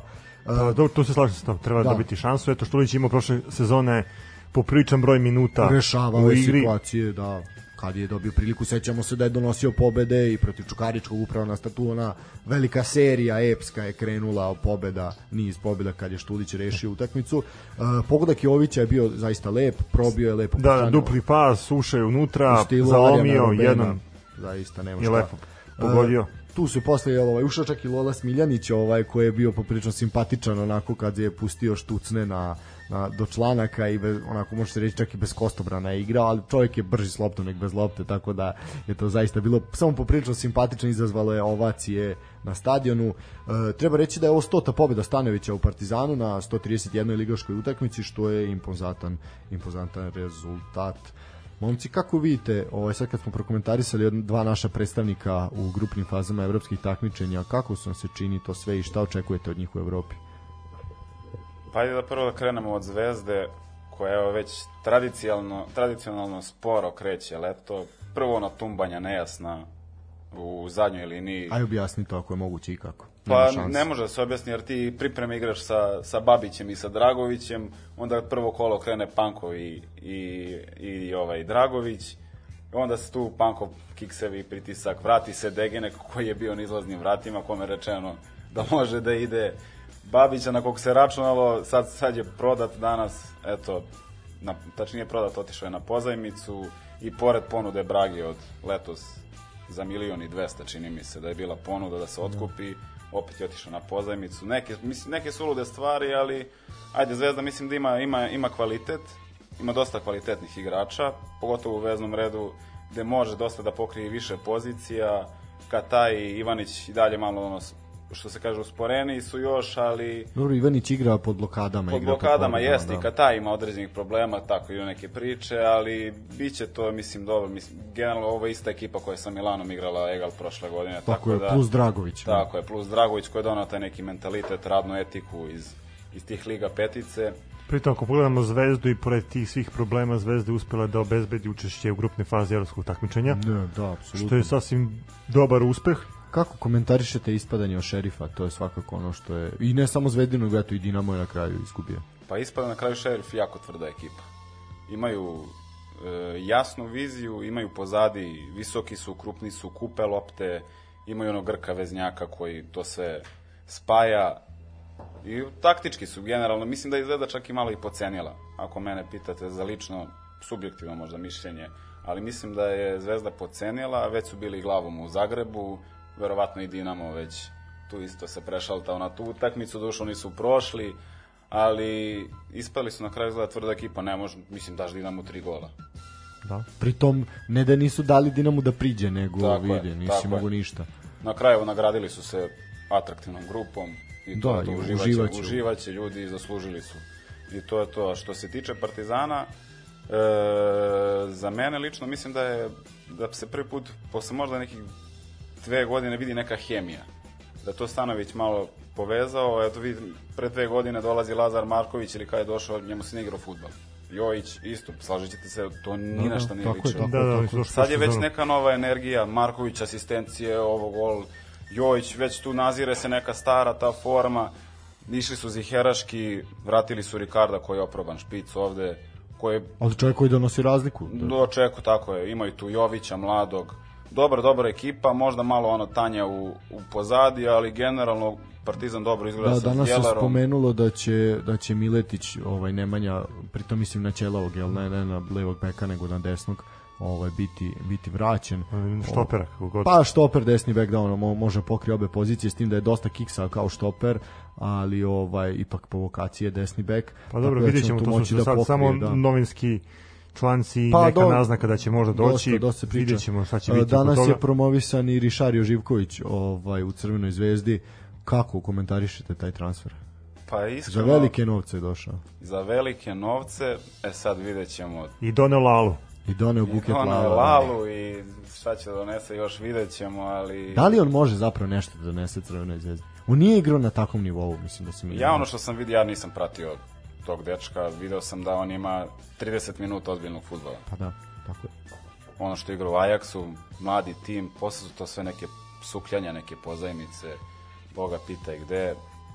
Ogroman novac i ono, ako se ono piše i po golovima i po asistencijama, to su stvarno neke sulude stvari. Pritom imaš 15 veznih igrača, te krilate, ovog, te mladih igrača, kakvu poruku šalješ mladim igračima, kao što su Kakvi, Gabrić. da, idu, da ide koji ovaj u Od- Ferencvaroš. Tako je, tako je. Imaš Gavrića, Nikolića, Njegoša, koji su, eto, baš smo komentarisali Petarija, imaš mlade igrače, prošle sezone su igrali konstantno, Mhm. iskusni su za jednu sezonu Lige Evrope, komotno su mogli da dobijaju minute, sad su Zapravo bi sad ta sezona bila kad oni treba nešto je, pokažu. Tako da. je, tako je. Mogli su biti prodati za dobre pare, međutim, eto, i tu se vidi da, da, da sistema nekog već duže vremena nema. Nema, da, to je, to je nažalost problem, problem u Crvenoj zvezdi, a mislim da je posljedica toga što e, Zvezda zaista ima dobru, dobru logistiku i mislim da ona ovaj za sad još uvek živi od UEFA i od tih nagrada od takmičenja i svega i Lige šampiona znači onda ni, ni nemaju toliku potrebu nije im to presija na primer kao Čukaričkom ili pa i Partizanu ovaj da ono žive od transfera transfera igrača još uvek. Pa znaš kako mislim, mislim da nije tu poenta, ajde da se živi od transfera, nego ti si, evo daću primer Ivan Ilić, levi bek. Znaš da si deficitaran na toj poziciji, eno ga mali igra u Italiji, pozvan je za reprezentaciju, ovde muku mučiš, znači tužno je da, da Rodić nema zamenu u Zvezdi. Ja Rodića cenim kao igrača, da taman posla, da imam neko loše mišljenje o njemu. A znaš da je staklan, povrede, vuče, hronično loža, A Gobelja? Da, da, to je Gobelje univerzala. To je igrač koji je došao na, na zadnjem veznom iz, iz Da. Kruševca i sad igra beka i to kako igra. A dobro, mislim, on se trudi, Pa, a sad on je limitiran. dobar je dečko, trudi Dobar je, se. da, da, da, kakav je plan, dobar je dečko. Ovaj, da, Đorđe je dobar dečko, ja da nismo da je za sad. Ovaj, ne, tako je, mislim, zaista je tu, zaista problem. Vidjet ćemo da li će eksplodirati još neka bomba podno, podno tenka, Ovaj, tako da to što se toga tiče, vidjet ćemo i što se tiče Partizana, naravno nije prelazni rok još uvek gotov, da li tu može neko da se neko da se uvede, zaista je Partizan tanak na nekim pozicijama gdje ima samo po jednog Pa između ostalog igrača. Zvezda. i Većina naših klubova traži Da, potencijalne mislim, igrače koji on, mogu doći u ima poslednjem trenutku. 50, 50 ovaj, zadnjih veznih, razumeš, ne može da ih ukombinuje. Mislim, prvi put smo, onaj Dion je odigrao četiri utakmice, čovjek jedno već da I ide, to je mislim, apsurd. to je Znači čovjek apsurdno. odigra 35 utakmica u šampionatu da 5 golova. Kako, šta ga dovodiš? Za koje pare ti njega dovodiš? I, pa za ozbiljne novce, mislim, To to su ga- ozbiljne transferi, da. Mislim, š- špic, 5 golova. Imaš Pavkova, dođe čovjek, uđe, da gol. Doduše ne zna ni on nekad kako da gol. Ne, On- vidi, da se mi nažemo, Pavko ima izuzetan osjećaj za gol. Znači, to sve stoji. Pozicioniranje, se, Pozicioniranje da. je fantastično. Uh, ima talenat, osjećaj, pregled igre, to sve stoji. On što je tako malo kao pojava je, je smešan, znaš, mislim kao i Sadik što je bio partizan, znaš, ti kad vidiš on je nezgrapan, Tako je, tako ovaj, ali zna čovjek da se snađe. Dobro, da rekao uvek se pašu od takvih ljudi koji dođu Tako je. nezainteresovani, a onda ti spakuju tri kolana. Ali zapravo, znaš, samo kad je, kad je fokus na mesto, kad vidiš da je on glavom ušao u utakmicu, što je poprilično retko u posljednje vreme, zato ga je prošle sezone nije ni bilo, nego je bio na tribinama konstantno. Ovaj, čak u momentima nekim nije ni bio u Beogradu, nego je bio ovaj više kući u Begeču. nego što- jami. Pa da, ovaj, tako da, pa ne, pa zaista jeste. Vozio, Ja vozio sam- traktor. Pa da, jednostavno čovjek nije nije ni nema fokus i to je ono što mu fali. Ta glava ga zapravo fa, ono deli od neke ozbiljnije karijere i neke ozbiljnije lige. Ali onda mi to opet nekako daje priču da ajde imamo takvog igrača kao što je on, daj da mu se objasni, daj, znaš, da neko uzme da radi s njim na tom Ali nekom treba neko, planu, vidiš, da. treba neko da radi Imaš sa njim. takvog igrača, ti si doveo, ja ne znam koliko špiceva i tih nekih krilnih napadača, za ne znam koje pare, za koje to kombinacije, iz kojih liga, a imaš takve igrače u, već u, u timu koji su već tu duži niz godina, koji, ti, koji te čupaju godinama u bitnim utakmicama, u derbiju i to je meni već, mislim, nejasne već stvari, već neko duže vreme, ali šta je, tu je Mislim, ono što se tiče Crvene zvezde ove sezone, to se pokazalo u kvalifikacijama i ovim prvim uvodnim kolima kad je bilo štucanja, ovaj ne toliko rezultatsko koliko ovaj više po igri. E, to što si rekao za rotiranje Stankovića koje je poprilično nejasno, e, ja sam pričao sa ljudima koji rade analitiku u Vojvodini, gde je čovjek rekao, kaže, meni Slavljub Đorđević traži da ja uradim ono što je moj deo posla, znači da pri, na, pripremim utakmicu sa Crvenom zvezdom. Šta ja da pripremim kad čovjek menja apsolutno i formaciju i način igre i sve menja svaku utakmicu. Znači, Pa iznenadi protivnika. Pa da, mislim zaista, ono kaže i onda je Stanković izašao i rekao, pa kao da mi se prilagođavamo protivniku, a ne možeš ti kao Crvena zvezda da se Tako prilagođavaš napretku iz Kruševca, to nema smisla. Mislim onda u čemu je, čemu je poenta onda bilo čega. Uh, što se tiče ovoga, znači definitivno se pokazalo, znači kada se odseče Ben, kada Kataji usled bolova, usled čega god umora, nije na svom nivou, Ivanić takođe, znači vi imate problem, Zvezda, Zvezda funkcioniše, nema sistem igre, nema kako se igra, nego se igra šta urade ova tri čoveka s loptom. Znači kako oni uđu u dan, kako uđu u utakmicu, kako iskombinuju, to je što je. tu imaš i uvek ludog Kangu koji isto ne znaš kako je usto, šta je, šta Čovjek je njemu u glavi. zna da odigra utakmicu fantastično, zna da svaku loptu kad primi na 30 metara ošine po golu kao na malom Da, ima, ima, ima znači. tu ozbiljnih tempiranih bomba i sa nogu isto. To Sa- su sa- ozbiljne, ozbiljne bombe, da što To kažeš. ne znaš na čemu si nikad, tako Pa, da nije pa lako dobro, mislim, i tu i Degenek, ja bih isto rekao i Jeste, to sve. jeste. Ajde, Borjan je sad opet ušao, ušao malo u formu, bio je. Ali i to je posljedica umora, mislim, čovjek je, čovjek je branio konstantno svaku utakmicu pred kraj, posljednjih 2 3 utakmice ga je čovjek zamenio, da, ali ali ipak i to je i to je previše, mislim. Ne može, mora mora doći do odmora. Čak i u nekim situacijama kad možda ovaj i nisu sva trojica morali da igraju, on ih je opet forsirao, kažem, pogotovo Ivanića za kog se zna da je čovjek pod blokadama, ti forsiraš svaku utakmicu 90 minuta, mislim to čemu A ja sam i, i stava sam i dalje, ok, Ivanić je prošla sezona stvarno maestralno odigrao i bio verovatno i najbolji, Najbolji, igrač Zvezda, da. sigurno. Ovaj, ali ako igrač ne može da da 100%, tako. nemoj da ga stavljaš u igru. Stavi neko ko je 100%. Možda nije to kvaliteta, ali daće se od tebe, stići će kontru, napravit će faul na vreme, odigraće loptu na vreme. I to je, to je cela suština. E sad, Sam tim manji rizik od povreda. Pa naravno. sam, e, upravo to, upravo to. Uh, kako, e sad ovaj Đorđe načo sjajnu temu, ovaj kako trener ovaj gleda na te stvari. Da li je dalje ovaj nekad za rezultata bolje isforsirati, pa dati igraču blokadu, pa šta bude biće ili ipak igrač na prvo mesto. Pa mislim da igrač treba bude na prvom mestu. Pre svega iz jednog razloga mislim da je modern futbal zaboravio jednu jako bitnu stvar, a to je da su futbaleri i dalje ljudi, nisu potrošna roba, nisu, nisu tu da, da, da bi ih mi prodali, da nam zarade para od sponzora, od ulaznica, to su i dalje ljudi koji imaju svoj život, svoju porodicu, svoju decu i imaće svoj život i posle futbala. Nažalost, to se često zaboravlja, pogotovo kod mladih igrača, dolazimo u problem da mnogo mladih igrača prekida svoju karijeru zbog gomile povreda. Evo sad ide, ne znam da ste čuli transfer vez da će verovatno e, Vilšir da pređe u Anatozis koji je s Partizanom.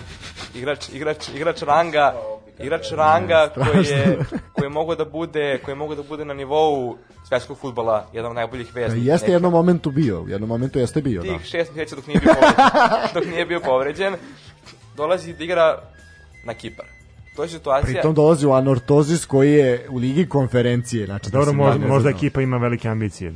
Vidjet ćemo A, ih, vidjet ćemo no ih. to, ne, ja sam svakako mi smo pričali kao daj ono Partizanu fali daj da dovedemo Jacka Wilshira čovjek ono pa bilo bi medijska senzacija ono da dođe ovde u Srbiju razumeš? Pritom ono njemu je bitno da ima da jede da pije da ima kurvu jednom nedeljno i njemu je to dosta Tako je, mislim ono, Samo jednu nedelju. pa dobro kad Biće više ako biće i više ako treba da. Tako za da- početak jednom nedeljno. Tako da evo i Đorđe je to forma. zna, nije velika razlika između uh, beton lige ovo za jednom nedeljno za povrede. E, I Đorđe zna da ja sam tog stava da igrači koji igraju kod mene, bilo to beton liga ili neki viši rang, ukoliko nisu maksimalno zalečili svoje, svoje povrede, e, bez obzira da li nas čeka za vikend derbi utakmica ili nas čeka prijateljska, bolje je da ostanu na tribini, daju svoj doprinos na drugačiji način, nego da rizikujemo da ugrozimo nečije zdravlje, a to je po mom mišljenju jako zaboravljeno u evo modernoj eri fudbala.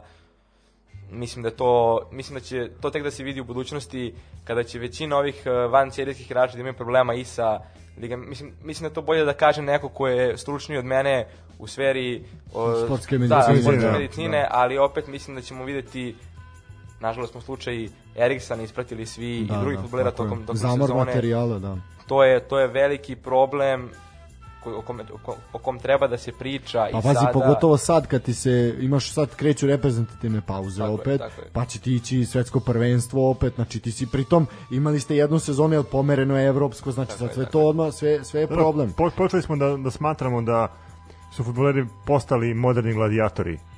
Pa ne, Jednostavno jeste, nema da, mesta za, za odmor, a sezone su duge, pritom i kada dođe taj Mislim, period kada trebaju da dana se, da pauze, se odmore, mislim, što je poprilično. ovaj, oni moraju da napuste klub, da od- odbu ovaj, u reprezentaciju na neko prvenstvo. Ili ćeš imati situaciju u košarci da će ti onda ljudi, ljudi odbijati da igraju za reprezentaciju i onda ćemo i to dočekati. Mislim, vidi, što nije, nije sporno da se desi. Uh, to je što se tiče Partizana i Radničkog i Crne zvezde i Čukaričkog, o, treba reći, znači rekli smo Proleter je odigrao nerešeno 1-1 sa Radničkim. Da, ovo je dobili smo Da, da, sa Radničkim iz sa Radničkim iz Kragujevca, da, dobili smo jednu poruku, kaže, molim vas da naglasite da se kaže prostitutke, to su radne žene, a ne ovaj ovo što su mi rekli. Dobro, ja se izvinjavam. Najstariji zanat. Najstariji zanat na svetu koji eto čekamo da se legalizuje i kod nas. Uh, Da, bi da već nije šalim se, šalim se. nije, šalim se. nažalost nije, ali eto, mislim, bilo bi dobro da kad bi bilo. Ne zato što bi mi posećivali, nego zato što da ljud da dobiješ fiskalni A sad račun. Ne, da vidi, dobiješ fiskalni račun, onda fiskalni račun staviš u kovertu, pa pošalješ, pa dobiješ ovoga Fijata 500, dobiješ stan u Beogradu na vodi ili pa mislim već nešto, dobiješ kartu za metro ili za novu prugu sada ubrzo što se napravi. No, što sve ima to, to čoveče jedno vuče, jedno vuče ovaj drugo. Drugo, da. Evo kažu Stefane, obrati pažnju što ovaj priča, evo to i to je stigla poruka. ovaj da, kratko što se tiče proletera, rekli smo 1-1, uh, zanimljiva utakmica u Novom Sadu, ovaj put nije bio pakao kako se proleteru posljednjih par kola ovaj zalomilo. Uh, 1-1, rekli smo u 14. minutu 1-0, fantastičan, fantastičan ovaj nebeski skok što bi rekli ovaj Jokovića uh, na centar šut iz kornera, a 1-1 rekli smo Miri sjajnim, sjajnim volem, time se i završilo. Uh, a trenutno se uh, igraju uvodni minuti na stadionu na krovu tržnog centra u Voždovcu, gde uh, srpski Sassuolo iz Lazarevca gostuje uh, Voždovcu po prelepom terenu, zaista najlepši teren ovog kola je definitivno, definitivno na krovu. tržnog centra. E, i jedni i drugi su izveli najjače trenutno moguće sastave. Igrači koji su u najboljoj formi su tu i ja očekujem evo dok mi budemo ćaskali u drugom delu emisije o Miljakovcu koji je takođe zeleno-crn u jednoj garnituri ovaj da ćemo malo baciti baciti oko i na neke lepe detalje sa ovog meča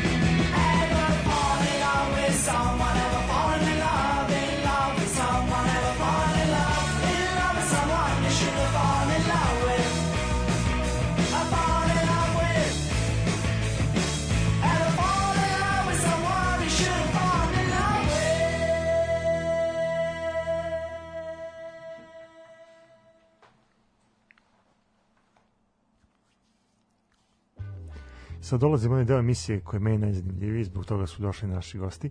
Tako je. Da pričam o futbolskom klubu Miljakovac, o tome kako oni funkcionišu, kako oni napreduju. To je relativno mlad klub osnovan 2020. Pa da. Ovaj, ali eto, ja bih voleo da se, da se vi nama predstavite, ne samo nama, mi smo se upoznali, ali da se predstavite našem vaskolikom slušalaštvu, kao što sam rekao na početku emisije, ovaj, šta je FK Miljakovac, šta mu je cilj, šta mu je plan za ovu sezonu, šta za budućnost, ko ste, šta ste, odakle ste. I kako je baš došlo do, do svega toga? Da. Pa, Ko će imati tu čast? evo eto. Koga je Jovan ovlastio da priča o tome, da čujemo? Pa obojicu, ali malo ćemo se nadovezujemo ovde je- jedan drugome, tako je, tako je možda najbolje. Što se tiče futbolskog kluba Miljakovac, rekao bih da je to jedna, da kažemo, ideja koja je koja je proizašla iz E, To je jedna ideja koja je proizašla iz e, želje drugara iz kraja da jednog dana naprave svoj klub. To je da kažemo bio san eto Jovana Simića i njegovih e, drugova kad su bili mali, kad su sedeli i gledali futbal, sanjali su da eto jednog dana naprave svoj futbalski klub. I eto, meni je izuzetno drago da se ta da se ta njihova želja ostvarila. To je jedan klub koji pokušava da promoviše ono što fudbal zapravo treba da bude, a to je pre svega jedna viteška igra, to je jedan e, lep sport, a ne sve ovo što se nama propagira kroz medije posljednjih, e, posljednjih godina. Ja mogu da kažem, ja imam 20 godina od kad sam rođen, se propa- propa- propagiraju neke stvari. Ček, ček, ček, ček, koliko godina imaš? 20 godina. Ajde, Da, dobro ste čuli, polako, dvade- polako, polako, 20 godina Napiši to brojem, napiši to. 20 godina. 20 godina najmlađi trener u Srbiji. Jeste, ne, ne, ne, Jeste, jeste, trenutno da. Kaži E, mi, ovaj, koji, koju ti sad licencu e, posjedaš? UEFA C licencu posjedujem Dobro, šta tačno? Čekaj, imaš ličnu kartu. nemaš ličnu kartu. ovaj, čovječ, ti moraš da se vratiš do 11. Da, da, da, kući da dođem. ovaj, ne, kaži mi sad, sa tom UEFA C licencom, koliko ti zapravo možeš? Pa mogu dosta. e, Do kog ranga takmičenja možeš ići? Pa što se ranga tiče, e, mogu da idem otprilike u ovim, ovim nižim ligama kao što su e, međuopštinska liga u kojoj sam sada, kao što je prva Beogradska liga, čak mislim da mogu i do zone. E, pritom mogu da radim u svim mlađim kategorijama koje nisu elitne mlađe kategorije. Dobro. U Srbiji su elitne, mislim, nisu čak ni to, Po ali po navoda, znacima da. navoda su elitne samo Partizan i Zvezda. Tako da I reprezentacija, naravno. A rep stacija, molio bih. dobro, naravno. tako da, tako da u, u teoriji mogu da vodim mlađe kategorije bilo kog kluba, e, čak i u Superligi. Što se tiče ovo, samog voždovca koji igra u ovom trenutku, oni su najbliže da postanu ta elitna mlađa kategorija. Tako da svakako moj cilj u budućnosti je da posle ove UEFA C idem dalje na UEFA B licencu, E, UEFA sad šta je licencu. potrebno za UEFA B licencu? Koliko? Pa za UEFA B licencu je potrebno da godinu dana radim sa, sa UEFA C licencom i evo kao što Đole ovde Keš, keš je, da, da, vodi. potrebno je da se plati određena suma da bi se taj kurs da bi se taj kurs koliko Koja su moje košta? pitanja? Koja su moje pitanja? To je ono što Srbiji Evo, uvek ne želim da samo da kažem Koliko je to u kilama mesa? da je to jako, da je to jako e, poražavajuće za nas da evo ova licenca UEFA C koja je najniža licenca je 60.000 dinara Pa dobro, to nije tako strašno. pa na nivou je sa Nemačkom, na primjer. Pa onda pogledate naše trenere koji su izašli, onda pogledate Da. Tuhela, Klopa, Nagelsmana i sve tako, gde je ta licenca uh, UEFA C u regionu duplo jeftinija, u Bosni, eh, Crnoj Gori i Hrvatskoj. Ne možemo, go, sad pričamo o standardima Da, i sve da, da, tako. da, da, da, jasno. E, pogotovo za nekoga koji, eto, da kažemo, kao ja, i studira... A ti onda nisi ja užin u školi, čoveče, četiri godine srednje škole. Je u menzi. Da, ovo. nisi ti si baš ovo. zašljakao. Da, znači kifla i jogurt je bila. Pa, i kad, kad ima jogurta, onda... da, kad ima pa šteta, ovaj nima ni za argetu kod toza. E, znači, da, da, strašno. E, Eto, jedan mančmelo, onda ti E, bude hvala, lakše. hvala. tako, da, tako da bi stvarno bi pozvao sve ljude koji planiraju da se bave ovim poslom da što nije da je plaćena reklama od Futbolskog saveza Beograda, ali sve ljude koji bi žele da se bave ovim poslom, pozvao bih prvo da dođu na kurs, a tek onda da rade, jer verujem da svi mi koji smo nekada bili u futbolu igrački, smo imali susreta s raznim trenerima koji u najgoroj meri možemo da kažemo da nisu na nivou, ali e, sve vi što naučite tamo ima nekog smisla. Sve je to nešto što niko nije izmislio, to je plod rada raznih ljudi, raznih analiza, razne statistike. Evo, vi ste rekli da je e, prošlu emisiju kod vas bila Ruža iz Voždovca, ona je jedan od predavača na tom, na tom kursu za UEFA C licencu, gde vi učite od organizacije događaja do sigurnosti dece ili drugih aktera vaših na terenu, do naravno taktičkih elemenata, trening elemenata, Tako da preporučio bi svima koji planiraju da se bave ovim poslom, koliko god mladi bili, koliko god stari bili, da krenu od licence pa nagore. Sve ostalo, sve praksa u klubu je bitna, ali nije, nije, nije to, prvo morate naučiti teoriju da biste išli dalje u praksu. Tako je. Kada Slažem se. treniraš, A nisi nam odgovorio koliko je B licenca? E, B licenca nisam siguran da vam ne dam, e, da vam ne dam pogrešan podatak, ali mislim da je oko 120.000 dinara. Znači duplo. pa da. Duplo skuplje, da. Mislim, nisam sad siguran, ali mislim Moraš da Znači na pola Da kifle. to- Pola kifle bez Znači, jogurta. da, zato si tako mršao. ne, dobro, pa dobro. zanima eto kada kada vodiš ekipu što na treninzima, što na utakmici, kako starije kolege Eto, kako funkcioniše s obzirom da si dete?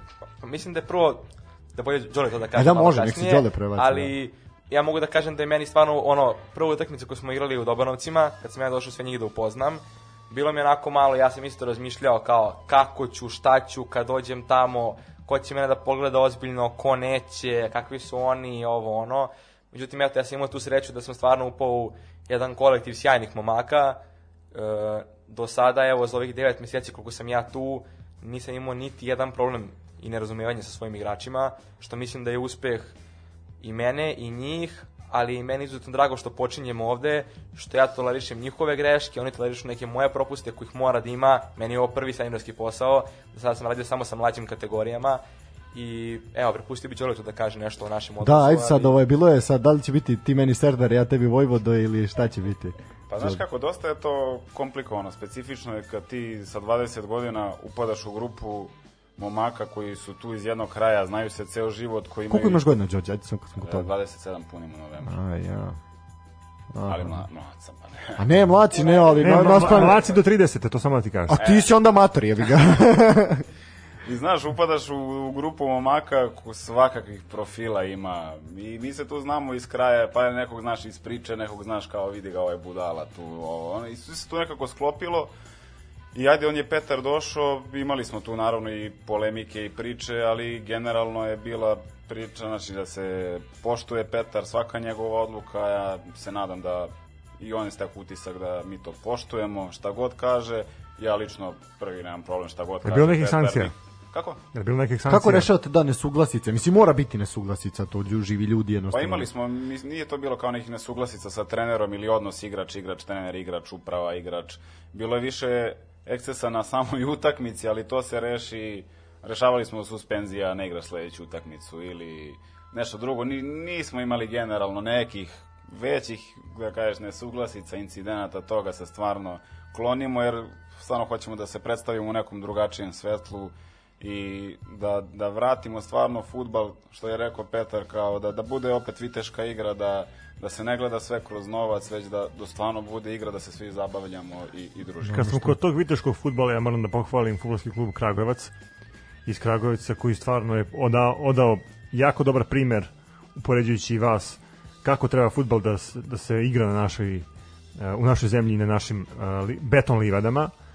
Ekipa koja je pokazala da su stvarno dostojni fair playa i eto, nakon njih ste se i vi pojavili i to je Šta nama... se desilo sa, Ra- molim te sad ispričaj sa Kragujevcom? Pa ne, ništa, znači imali su momente gde su, ne znam, i kada izgubi utakmicu, kada pobede, viteški to doživljavali, e, čak i bilo je situacija gde su kod nekih određenih situacija, na primjer da li je bio offside, gol ili tako nešto, e, gledali da pomognu sudi, stvarno jako dobar primer toga kako treba fair play da deluje na terenu.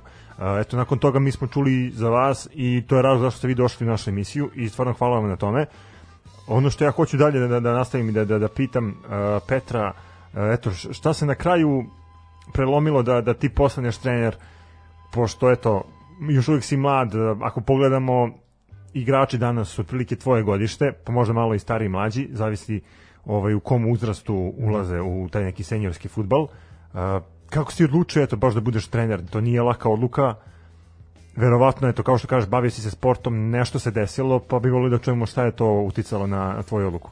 Pa pre svega veliku zaslugu ima moj bivši trener koji je sada u Kazahstanu, koji je mene pratio i u Bežaniji i u o, Novom Beogradu dok sam ja bio, bio mlad igrač i nekako njegov način rada, rada tada i njegov pristup svemu tome i koliko je on voleo to da radi, s koliko želje je dolazio i da, da nama deci prenosi znanje, verujte mi nije lako kada dođe 30 dece na trening, ovaj dobio jedinicu u školi i mora kući da kaže mami kada dođe da dobio jedinicu, ovaj se posvađao sa, ovaj se, veruj mi to je mnogo gore nego kod dva seniora problema. Ovaj plače zato što ne igra, ovaj plače zato što igra. Evo, Ovaj... ovaj pla... ne, a pazi, ovaj plače zato što ga devojka ostavila, ovaj plače zato što ga pesma pogodila u kafani. Da, pa ovaj, ne, ne može se otrezni. Ovog donela Marica, ovog odvela Marica, znaš to je. A to sve živi problemi koje, verujte mi, mnogo je lakše razumeti odraslu osobu nego dete koje se razvija. On jedan dan može da dođe totalno raspoložen i ste vi kao, super, ovo dete je odlično, a onda sutradan sledeći trening dođe, tuče se, udara, pravi probleme, sve su to i upravo način na koji je to rešavao tadašnji moj trener, koji sada, ponovo kažem, u Kazahstanu, konkretno u Tobalu radi s mlađim kategorijama, je nekako još tada mene uvuklo u tu trenersku priču.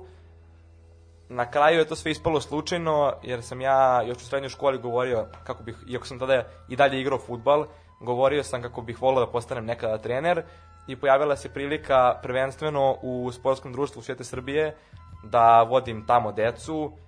Tu sam počeo, to mi se izuzetno svidelo, u jednom trenutku sam morao da prestanem, da izaberem jedno ili drugo, da li ću da nastavim da igram ili ću da nastavim da se bavim trenerskim poslom, jer je došao i fakultet i druge obaveze. Na kraju sam prelomio da, da bi volao ovime da se bavim, da bi volao da ostanem u futbolu na ovakav način i eto, nije neka tužna priča, koleno, rame, klasično, nego jednostavno, eto, došao sam na neki put gde moram da Nije odlučim. taksista iz Beograda, Da, da, nego je da, da. da. Došao sam na neki put, neku situaciju, neku raskrsnicu gde moram da odlučim šta ću i kako ću i eto, drago mi je što sam izabrao ovo i što sam trenutno ovde i što sam trenutno u Miljakovcu, mislim da nisam mogao da nađem bolje mesto za svoj prvi seniorski posao, tako da nastavljamo dalje i, i to je to. E, Pomenuo si tog trenera iz Kazahstana. Ovaj, ko ti je bio trenerski uzor kada si počeo malo zbiljnije da se baviš trenerskim poslom? Da li ga Pa- sad imaš, na čiju filozofiju Pa, pratiš? pa ne volim da imam nekog koga, da kažem, koga idealizujem, nekog idola i tako to. Konkretno, bilo mi je izuzetno drago kada je Nagelsmann, kada je Nagelsmann uradio to što je uradio, jer je pokazao svetu futbala je pokazao da jedna mlada osoba može bude na tom mestu i ne znam, primetili ste verovatno da u posljednje vreme ima sve, mla, sve više mladih i mladih stručnjaka koji se pojavljaju, koji dobijaju šansu i to je meni izuzetno drago. Volao bi da se to desi i u Srbiji. Imali smo primjer Voždovca sa gospodinom Jovanom Damjanovićem koji je bio, bio šef stručnog štaba Voždovca koji je generalno za trenerske godine izuzetno mlad. Dobro, da, ali ajde, on je bio specifične situacije, preuzeo klub, znamo da je on legenda kluba, Tako je, ovaj, preuzeo je kad je bilo stani pani i onda je znalo se da je on privremeno rešenje dok se ne nađe neko drugi da će se on povući na funkciju sportskog direktora što i koji uspešno sada obavlja. jel? Naravno, naravno, ali to je opet šansa nekoj mladoj osobi. Vi ste imali u tom trenutku na toj futbolskoj pijaci veliki broj trenera koji čekaju posao. Mogli ste da angažujete nekoga na šest mjeseci, to su radili i reprezentacija naša to radila, imali smo te VD selektore Da. i VD trenere, ali eto, dali ste priliku nekome koji je, koji je izuzetno mlad za, za takav posao i eto, mogu da kažem da, da je Nagelsmann, drago mi je zbog toga, što se ostalih stvari tiče, trenerski posao je zanat kao i svaki drugi, morate da kupite od svuda po malo, od svakog trenera po nešto, to su sve stvari, to su sve šabloni, kao što u šahu imate otvaranja, 5-10 vrsta otvaranja, tako u futbolu imate šablone, naravno imate mali milion šablona, ali kada uhvatite neke šablone i spojite ih u jedan, onda stanete kao da li to radi ili ne radi, tako mora da se gleda. Dakle, od starijih kolega učite, ne samo kolega kao što su, ne znam, Mourinho, Pep Guardiola ili eto Nagelsmann, već i od starijih kolega koji rade u našem futbolu, ima sjajnih momaka koji rade i starijih ljudi koji, koji rade taj posao, učite od njih, ne možete da čujete bolje priče nego to što mogu da vam kažu ljudi koji su dugo u futbalu, koji su ediko, edukovani u futbalu, od njih kupite stvari, spajate u jednu sliku i to je otprilike cijela poenta trenerskog trenerskog posla kada učite. Sad kad si to sve, sve lepo ovaj, napomenuo, a sad da bismo je otkrili koja je tvoja filozofija futbala i koja će uopšte biti filozofija Miljakovca, kako će Miljakovac igrati ove sezone, šta je za tebe futbal, kakav futbal preferiraš? Pa, futbol se igra zbog navijača. To moramo svi biti svesni. Futbol se igra samo isključivo zbog navijača. Mi imamo tu sreću da, nas stvarno prati veliki broj ljudi i hvala im na tome i pozivam ih da i u subotu protiv ekipe 13. maja budu na stadionu. E, želim da Miljakovac igra jedan atraktivan i profesionalni futbal. Dakle, i pored toga što smo u beton ligi, želim da odišemo nekom dozom profesionalnosti. Dakle, ne ono da smo uštogljeni, da imamo neke uštogljene izjave i te priče, već da smo na terenu pravi vitezovi, što, što je malo pre Đorđe, Đorđe rekao, da igramo jedan futbol koji je atraktivan na oko, ali da opet donosimo rezultate. Jer nema, ne, Da nema, li bi pre nema izabrao taktiku, idemo da damo e, četiri gola pa da primimo tri ili idemo čvrsto pa nek bude 1-0 1-0 pa da se branimo zadnjih Da. 20 minuta. Pa, to, sa četiri leva beka Komilović. to sve zavisi od protivnika do protivnika, od onoga što želite od te utakmice i od plana koji imate u sezoni. Ako vam je plan, kao evo Voždovcu na primjer konkretno, da se igra atraktivan futbal, da se promovišu atraktivni mladi igrači, onda vam rezultat pada u drugi plan. I onda možete da igrate atraktivan futbal, možete da, da dozvoljavate i utakmice u kojima se otvorite, primite dva glupa gola i izgubite. To sve zavisi od kluba, od onoga što je postavljeno na vama. Što se mene lično tiče trenutno, ja bih volio da Miljakovac igra jedan lep futbal, jedan atraktivan futbal u kojem svi uživamo. I ja pored klupe i moji asistenti I publika. i publika i pre svega igrači koji igraju. Da. Jer ako svi uživamo, samo tako možemo da nastavljamo dalje. Da. Kad smo kod Voždovca, eto, Tako je, tako je, imamo, imamo promena. promenu rezultata, ovaj, javlja se kolega koji je pratio utakmicu na krovu, znači ovako 1-0, 21 minut je, evo, dok taman će ispričati šta se desilo dok koji pogledaju VAR, pa ću sve ispričati, onda će oni poništiti pogled.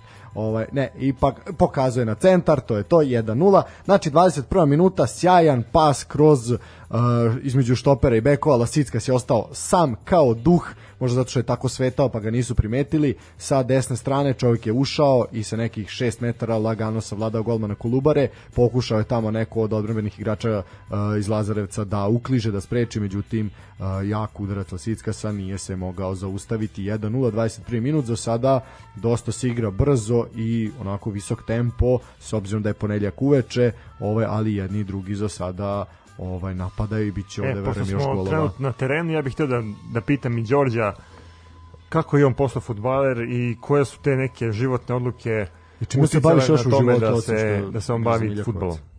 Pa ja sam imao dosta zanimljiv put, da se, što se kaže, ja se izvinjam, tehnički problemi. Ovaj, krenuo Slobodno sam da, se opusti, to što da, velika dugačka crna stvar stoji ispred tebe, nemoj da te to uplaši. Oslobodi to unutra u sebi što imaš i prihvati. Da. Ovaj, krenuo sam da treniram u osnovnoj školi, na školica futbala, mini maxi liga, otišao Maxi u Razeri i Ćale ono, na, na Zvezdu, sećam se prva utakmica Zvezda Rad 2000-te, 1-0 za Zvezdu, ono. Da, da. Milenko to čuti, čuti, čuti, nemojmo da reći. Milenko Aćimović, Drulić, Pjanović, ta ekipa. Mislim, generalno, zbog tog nekog i burazer futbal i sve to, ajde da krenemo i zavoleo sam futbol, ono, ispred zgrade lopta po ceo dan, ne možeš u kuću da me uteraš. I ajde tu, ono, osnovna škola, mini maxi liga, pa neki ono izleti, ajde, da se proba zvezda, prvo naravno. Onda se opet na kraju vratiš u kraju u Rakovicu, gde odigraš, odigrao sam dve sezone, bio sam kapitan generacije kadetske u, tu, u kadetima, nakon toga odlazim u Beograd Skaraburme, e, gde iz druge Beogradske lige upadam u Ligu Srbije sa Zvezdom Partizanom, Partizan 94. generacija, Lu- Opasna, opasna generacija. tako je, tako je, upadaš u, u, u tu neku kolotečinu, snalazim se, ovo, ono, sve na neki rad, bilo je uspona padova, međutim, ono, sledeće sezone sam ono već ustalio, bilo je tu i prvi tim, neke kup utakmice, neke nameštene utakmice smo se igrale, ali, ali dobro, i onda posle toga bask i već dođe onda kao, ajmo na fakultet, vreme, građevina, završio sam višu građevinsku, krenuo da već radim sad po terenu na gradilištima Čačak, Subotica, Novi Sad, hvala Bogu, najčešće, tako da to je to otprilike neki moj put. I evo sad nisam igrao futbal veliki, evo 2016. godine i onda je moj ludi drugar Jovan Simić došao na ideju da, da napravi svoj klub, tačnije naš klub, jer on je, dosta je on, da kažem, zajeban kad ima slobodnog vremena, on su tu svakakve ideje rode. Da, to bih malo da mozak javlja igralište. Da, da. Ovaj svakako znači spomenuo se on je osnivač i idejni tvorac, da kažem, kluba. Ovaj svi znamo ko je Jovan Sivić, on je već sad istaknuti sportski radnik i istaknuti još humanitarac, još više istaknuti humanitarac. Uh, znamo da je on svoje ime napravio kroz uspešan sklad humanitarnog rada i sporta organizujući velike fudbalske mečeve, sećamo se onog spektakla na stadionu Partizana, zatim aukcije sportskih dresova i tako brojne humanitarne akcije sportskog tipa i u suštini ono što je nas i privuklo vama je ta priča gde vi imate toj, tu humanitarnu i humanu ovaj znači ima Stranu. humanitarnu i Human- humanističku stranu. da, obe strane su prisutne, to su dve različite različite stvari. Ovaj pa eto nam malo pojasnite, mi smo videli tu taj podatak nakon prve utakmice protiv Dedinja, al tako, da je prikupljeno 114.000 Tako, dinara, 114.000 da. dinara, bilo je pa sigurno negde blizu 500 ljudi na, na tribinama, gde smo mi ono izašli kao, wow, kao, svi su ljudi došli u majicama, Miljakovcu u dres, šalovi, ovi bubanj, ovi urlaju, ovi, šok, šok, šok, jednostavno, jer e, to je na stadionu IMR-a koji ima neku tradiciju i ime u beogradskom futbalu. Međutim, dosta je to sad trenutno otuđeno od ljudi iz kraja, od navijača, od pre svega mladih ljudi. Nije, ne interesuje ih da odu na, na IMR i da gledaju Rakovicu. E, mi smo to upravo hteli da, da promenimo, da napravimo klub u kraju, da se o tome priča. Evo, mi smo utakmicu posle Dedinja odigrali, otišli smo seli u kafić, došlo je, došlo je 20 ljudi i vodila se polemika šta je, ko mogo da odigra, šta, pa kada je sledeća utakmica, ali treba prevoz, ili treba ovo, ili treba ono. to. Tako da to je stvarno, osjećaš se kao, znaš, e, mislim glupo kažeš kao zvezda, ali tu saleću te ljudi po kraju, kao kad je sledeća utakmica, pa što ste ovako odigrali, što onako. Tako da stvarno, stvarno lep osjećaj i, i tek jedna lepa priča u, u, u početku. Da, pa mislim to je sad grudva koja od koje nastane lavina, jel? Ovaj, Tako to je tako ono što tako je je. što je što je lepo i svakako uh, naš fali malo tog osjećaja, ovaj ne samo ne samo ovaj na lokalu, ali evo i ovim širim i višim ligama, ovaj širim prostorima. Znaš kao da se neko probudi i kaže e danas je utakmica, danas je nedelja, danas igra Vojvodina, Voždovac, Partizan, Zvezda, nebitno, Miljakovac. Znaš kao danas, to je to, osjeća se nešto u vazduhu, neka atmosfera, danas idem da gledam da podržim svoje drugare, lokalne momke. Znaš, to se, to se poprilično izgubilo zbog mnogo stvari. Nije, Tako, nije zbog samo... mnogo stvari i stvarno ovaj pristup koji Jovan pre svega ima, da ne kažemo digitalni marketing, e, to je, ja mislim, prava smernica i pravi način kako treba da se e, ljudi dovuku na, na terene, pogotovo te lokalne zajednice, lokalne lige, jer to ima stvarno specifičnu draž. Jer ti dođeš tu sa, sa društvom, ponese se neko pivo, gleda se utakmica, priča se, Tako da mislim da je, da je ovo jedan dobar put. Pa pogledate samo društvene mreže. Poredite e, društvenu mrežu Instagram Miljakovca sa društvenim mrežama Surdulice ili Proletera, nebitno, sad ne imenujem nikog po... I nemam ništa lično protiv nekih od ovih klimova, ali mora, to je jednostavno taj put i taj pristup. Pa to ono što ima Voždovac, što smo mi pohvalili, Tako da, je. zaista što se tiče društvenih mreža. A ko je, igru, ko je radio u Voždovcu? Pa ne, Jo. jasno, jasno, naravno, ne, pa svakako i o tome, o tome malo je Ruža Da. načela tu temu prošli put, ali svakako i vi da nam kažete, znači, uh, Voždovac je tu, da kažemo, pomogao, ovaj, pa može se reći, pomogao Miljakovcu, da je čak prvi trening su održali, jel tako, i tu se jeste, jeste, jeste. malo su vam pomogli, što je zaista, ža, zaista onako lepo Čak su i... i Mihajlov je bio sad na utakmici sa Dedinjem. Bio je i Lasickas nas je gledao i dosta dođe tako iz, iz Voždovca Pa futbaleri. dobro da vidi, to je, mislim, je super, mora naravno. biti podrške, razumeš, Naravno. drugačije, drugačije ne jedi. Kada je neka priča prava, ona brzo nađe podršku. Naravno, Tako to je. dobar glas je daleko čuje, mislim, koji za našu emisiju. Ova sam nas sad pohvalio. sad sam rekao ko niko.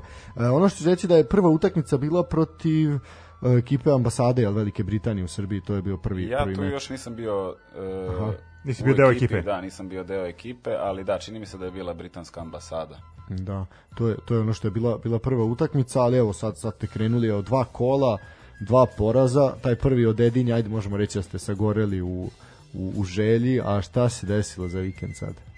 Ja samo pre svega da čestitam godinu dana postojanja FK Miljakovca Jel jeste zvan? Da. Pa dobro da jeste leto, da. trenerima, svim igračima, Joci i da nastavimo da guramo ovu priču kako treba i kako smo počeli. A što se tiče jučerašnje utakmice, ne znam odakle da krenem. Aj samo pre nego što, što dok, dok sabereš utiske, ja ću vam isto poželjeti, ajde, pošto je, da vidiš, piše leto 2020, nismo povezali, gotovo, moj Stefane. Da, mi smo otišli već mi u zimu. Mi smo već u zimu, u zimu, ja sam već na decembru, tražim deć za novu godinu, ovaj, za doček. E, da, pa ja vam želim, mislim da je najbolja želja da, e, da vam želim da proslavite ovaj naredne rođendane u nekim naravno višim višim rangovima da svaki naredni rođendan bude u ligi iznad a ono što je svakako ultimativna želja to je da e, stoti rođendan kluba bude e, kao i neki prethod pre toga u Super ligi da možete da uzmete pare od UEFA. Ovaj to je mislim da je To je pravo. cilj. To je To je- cilj, to je je cilj, da. Mislim mi nećemo to to doživeti, ali neko naš naš nadam se Da da doživim hoće. i onu desetogodišnjicu da dođem da jedem rešenje, Da, malo to će biti dobro. pivo, dosta, kao, kao klinci kad sam ja igrao za Miljakovac. Da, da, možeš tu naš ono kad imam člansku kartu Pa da. 001, evo ga. to je- Ništa, rekao da se vratimo na, na onda na, na utakmicu što, koju smo igrali juče. Evo, kaže poruka da ste preslatki. Hvala, Sad ću hvala. sliku da vidite kako izgleda, pa će se promeniti Bolje, bolje, ne, bez slike. Neko, Imaju radijsku lepotu, da. Ovaj, utakmica protiv Buska je vrlo specifična. U zadnjem trenutku menjanje domaćinstva, trebali smo da igramo u Zemunu, odjednom smo se našli u Ostružnici, Šta se tu desilo? e, igrač Buska je udario šamar.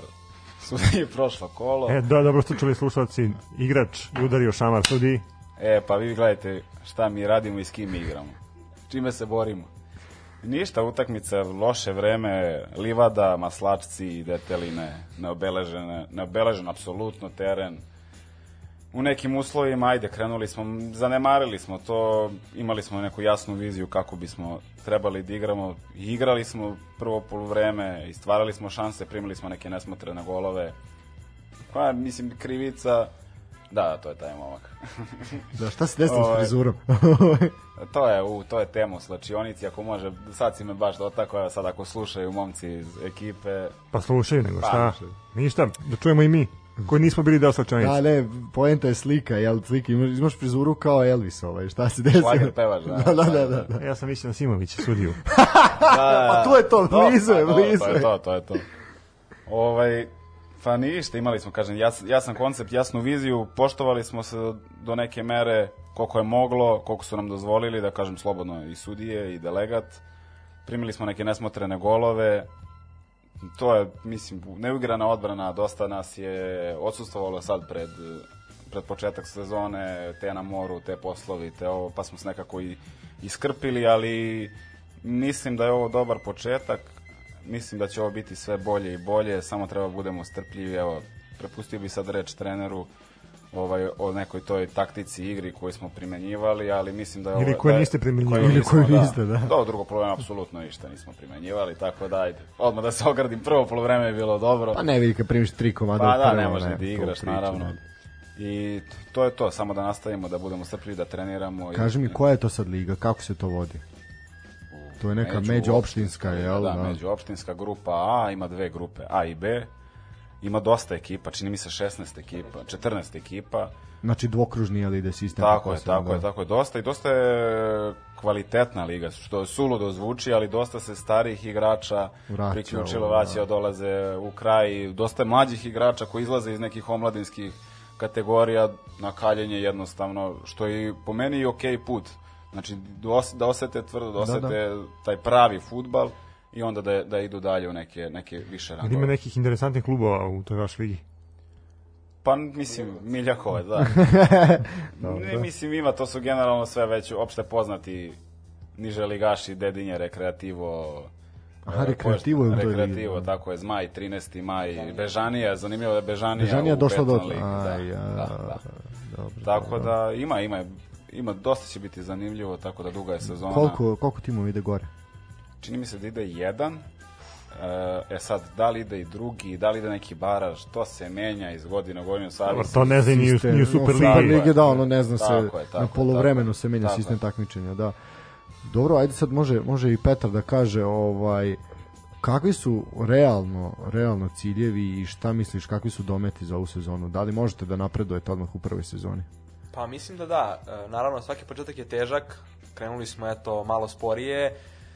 Još su igramo mnogo, mnogo momaka tu nikada nije ni igralo futbol na ovom rangu i uigravamo se na sistem takmičenja, uigravamo se, uigravamo se na neke spoljašnje stvari o kojima je Đorđe pričao, ja ne bi tražio izgovore u tome, moje je samo ono što se dešava na terenu, ali to je taj rang futbala, ima mnogo spoljašnjih stvari, ima mnogo ljudi, kao što sam malo pre pričao o tome da treneri treba da se edukuju, tako i druga službena lica treba da se edukuju i treba da se priča o tome i postoje razne edukacije za to, ali da se ne vraćamo sad o tome, izgubili smo dve utakmice i treba da tražimo izgovore samo, samo u nama i probleme samo u nama. Ciljevi za sezonu su što bolji plasman, naravno, jurimo trofej, jurimo prvo mesto i do kraja ćemo da se borimo da budemo prvi. E, ovo je prva sezona, ovo je uvo- uvodna sezona, mi, koliko god se ovaj klub bravio humanitarnom pričom, bavimo se i futbalom, igramo ozbiljan futbal, to ćemo pokažemo svima u ligi od danas pa nadalje. Humanitarni rad je samo nešto što ja pozivam sve ljude da, da se bave time, to je nešto čime se bavite kao glupo je reći hobi, ali nešto što vam je dru- druga aktivnost, kao što je druga aktivnost ovog kluba, taj humanitarni rad. Naše je da od sada u svakom kolu igramo sve bolje i bolje, da popravimo neke greške koje su bile evidentne. Ja ne mogu da zamerim igračima prvo kolo, 500 ljudi, dolazimo tamo, svi smo pod nabojem, ja pravim neke greške taktičke i oni neke igračke i svi se tu nadovezujemo, mi smo svi ipak svi delujemo zajedno, svi smo tim. Opet kažem, svaki početak je težak, sledeće kolo je već u subotu, da ispravimo greške iz prva dva kola i to je to. A, što se tiče tog humanitarnog rada, ajde ovaj pojasnite slušalcima na koji način mogu da pomognu ovaj u tim vašim vašim akcijama. Znam postoji neka fora i sa majicama i sa sezonskim propusnicama, pa eto za nas koji nismo koji nismo ovaj sa Miljakovca kako to kako možemo da pomognemo. Prvo što treba zapraviti Instagram stranicu FK Miljakovac, tamo ima To sve možete i sportski pozdrav isto, da. Tako je, da, i sportski pozdrav. Like, like share, subscribe. ovaj, ništa na Instagramu, uglavnom pred svaku domaću utakmicu se organizuje neki vid humanitarne pomoći. Uglavnom to bude kad su utakmice dobrovoljni prilog umesto karte, da se neka svota novca, 200, 300, koliko ko može dinara. Uglavnom se nakupi uvek, uvek e, lepa svota. Sad imamo mi sad e, majice, dresovi, E, to, to, sezonske to, to. ulaznice, sve je to deo, deo ide naravno u klubsku kasu, treba tu pokriti i troškove takmičenja, sudije, svako kolo, delegate. Zar to ne ide od fudbalskog saveza? Ne, Beograd? ne, Ne, to ide na račun Tako kluba. je. Ali A svaki, bi svaki klub koji igra Čekaj, čekaj, znam vrlo dobro kako to funkcioniše, znači morao bi fudbalski savez grada da donira jedan deo. Ne, ne, ne. E, što se toga tiče, sve što ide oko iznajmljivanja terena, oko plaćanja sudija, oko plaćanja delegata, sve plaćamo mi. Ide iz naše Na, kase. na, čekaj, na, na nivou grada Novog Sada, futbalski savez grada, rukometni savez grada e, i pokrajine daje novac, pa evo ti primjer mog metalca, znači daje, klub dobije tačno onoliko novca koliko mu treba za termine u hali i za sudije. Znači, Pa da. tačno toliko dobiješ, znači ti tebi je takmičenje zapravo besplatno. Ti dalje sad svoje troškove ako imaš plate igračima nešto tražiš sponzore, ali savez je dužan da ti obezbedi da Dobro, ti to platiš pričaš sudije. vezano za rukomet.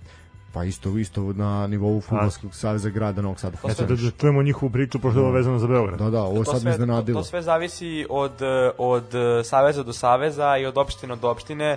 Imate primjer opština koje pomažu svoje klubove požamasnim finansijskim sredstavima, imate opštine koje to ne rade, to je sve individualno, ali e, ja sad nisam toliko, toliko upoznat u klubske financije, ali da se plaća učešće, i da se plaćaju sudije i delegati i da je klub maksimalno odgovoran za organizaciju, znači ako treba gorivo sudijama, delegatima, da, Da, klub, je, ide, jasno, klub da. je apsolutno odgovoran za njihove finansijske potrebe. E, kad su upravo kod tih uh, finanskih potreba i sponzora, vi imate jako interesantnog sponzora na dresu. U pitanju je Jelen Pivo. Pa nam recite nešto više o tom vidu Ima još sponzorstva. nekoliko sponzora, da, nije to Jelen jedini. pivo i čini mi se da sad najnoviji Medisport. To sam video, Su da. one fancy bele trakice, ono, oko ruke, oko zgloba.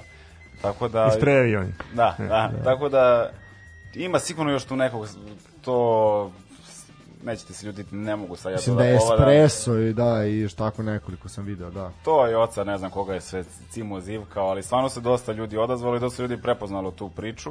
Pogotovo Jelen koji nam je donirao i opremu i lopte i Šta je donirao? i, i gajbe i svega je, svega je bilo, ali eto generalno da se vratim E, gajbe su bili čunjevi na A treningu. da, pa da, on kad popiju flašu, razumeš, onda koriste kočunj, onda ovaj zavodi daš. teren pa skice pravimo. ovaj, ali On gen- sedne ko Marcelo Bielsa na gajbu, razumeš, da, da. To je posao. Ovaj, e, Ništa, mislim, ajde da se vratimo na taj neki finansijski moment gde kroz te neke akcije i kampanje e, deo novca mora da ostane u klubu da bi se pokrije neki elementarni troškovi, ali većinu troškova pokrivaju i sami igrači. Mm -hmm. Dajte, treba za snimanje za kameru, treba za, za sudije, treba za ovo, treba za ono. I to uglavnom ide iz, i u 90% slučajeva iz e, iz džepa igrača, a veliki, znači veliki, velika svota novca ide u humanitarne svrhe. Što je zapravo i poenta. Što je zapravo i cela poenta naše priče, tako da ima, bilo je baš zimus i dosta i kapa i šalova se prodavalo zimskih. To je baš imalo dobar, dobar odjek kod ljudi, dosta ljudi, mislim ja znam sam da sam uzeo jedno 15 kapa šalova, svako od nas išao kupovo, daj za ovog, daj za onog, daj za onog, pa da ono daš za poklon, majice su dosta išlo, ono, bukvalno svaka druga osoba u kraju, ja gledam i majica Miljakovac. A to je dobra stvar. To je dobra stvar, u teretani, ono kao treniram i dolaze momci u majici FK Miljakovac, što je stvarno poenta i, i ono, drago je, drago je za, da videti tako nešto. Znaš, takva, to je dobro da se razvija takva ono, lokal patriotizam priča, da, znaš, da jednog dana, danas sutra, ajde, vi ste primer, ali da dođemo ono kao što, na primjer, u Engleskoj, znači, navijaš za klub iz svog kraja i svog dela grada i svog grada, ako nemaš u delu je, grada. To, to, se, to se generalno izgubilo i to pokušavamo da, da oživimo. Što nekad, nekad je stvarno bilo, dolazili su ljudi na na te lokalne utakmice, lokalne derbije i stvarno tu bilo naboja i tenzije i hoće da se pobedi i sve. Tako da, da mislim da smo na pravom putu da ćemo to... Pazi, pogotovo kad znaš da imaš Miljakovac 1, 2 i 3. Mi smo tu ujedinjeni. da, ali ste ujedinjeni, jako dobar primjer. da, pa dobro, dobro, dobro. Koja linija ide na Miljakovac? Pa eto, mi smo iskoristili liniju broj 48, E, pazi. ovaj, za, pazi koji broj za logotip uh, naše emisije i stvarno mogu da kažem da je to nekako i simbolika pošto smo tražili kao šta može da, da asocira naše slušalce Ono na, bilo da na ćemo Miljakovac. šumu ili da- Nismo hteli na ove neke nepopularne stvari po da, kojima da, je da, da. Miljakovac inter, interesantan i poznat. Ovaj, hteli smo da iskoristimo možda toplanu, uh, izvor uh, Miljakovačku šumu, ali na kraju je ipak izbor pao na liniji broj 48. Niste, niste pogrešili, niste pogrešili. Evo Stanislave, ti si sad uh, primetio da je došlo do promene rezultata na Tako je, evo, na na, krovu. radost, na radost ovaj, ljudi, ljudi na krovu tržnog centra koji zaista ima, ima poprilično ovaj, publike, a ko drugi nego Nikola Vujnović koji je zaista u fantastičnoj formi prethodnih nekoliko utakmica u 43. minutu uh, podiže rezultat na 2-0 Uh, sad ćemo vidjeti, pa da, jedno, a nisu se snašli, ponovo greška. I treba reći da je štoperski tandem klubar izuzetno, izuzetno mlad, čovjek se eto nije snašao, Vujnović je to pa može se reći sada već iskusno oteo loptu i nije mu bilo teško da savlada, savlada golmana. Zaista klubara muku muči sa štoperima, imaju mlade jako igrači, zaista ono momci greše iz utakmice u utakmicu što je negde i razumljivo, ali jednostavno eto i zbog finansijske situacije i uopšte svega nisu bili u mogućnosti da da ovaj angažuju nekog iskusnijeg, tako da 43. minut Nikola Vujnović 2-0.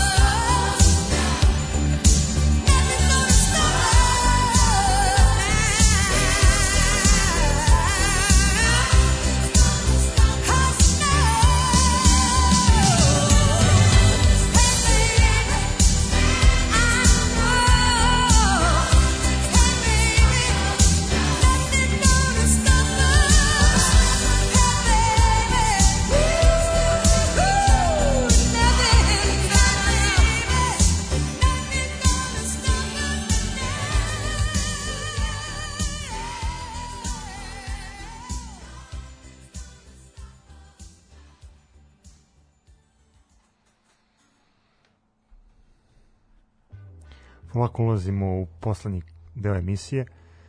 Da napomenemo da se narednog vikenda igra reprezentativna pauza.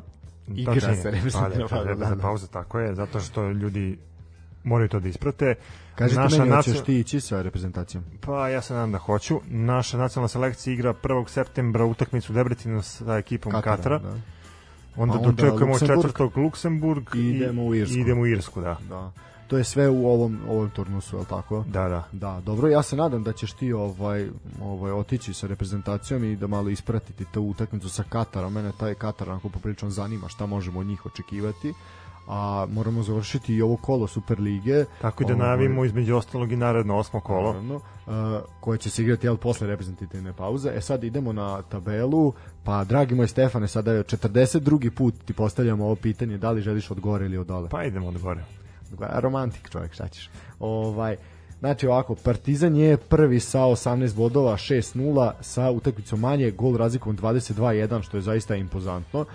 Topola je druga sa 7 utakmica, isto toliko, uh, znači 5 pobeda, jednim nerešenim porazom, 19-11 gol razlika, uh, 16 bodova, Crvena zvezda je treća, opet kažem sa utakmicom manje, 10-3 gol razlika, 16 bodova, napredak, četvrti sa 12, koliko ima i Voždovac, ukoliko ostane ovaj rezultat, znači ukoliko pobede imaće 12 a, bodova i bit će jedina ekipa u, u mestu koja vodi u play-off, a da imaju negativnu gol razliku, imaju četiri pobjede i tri poraza.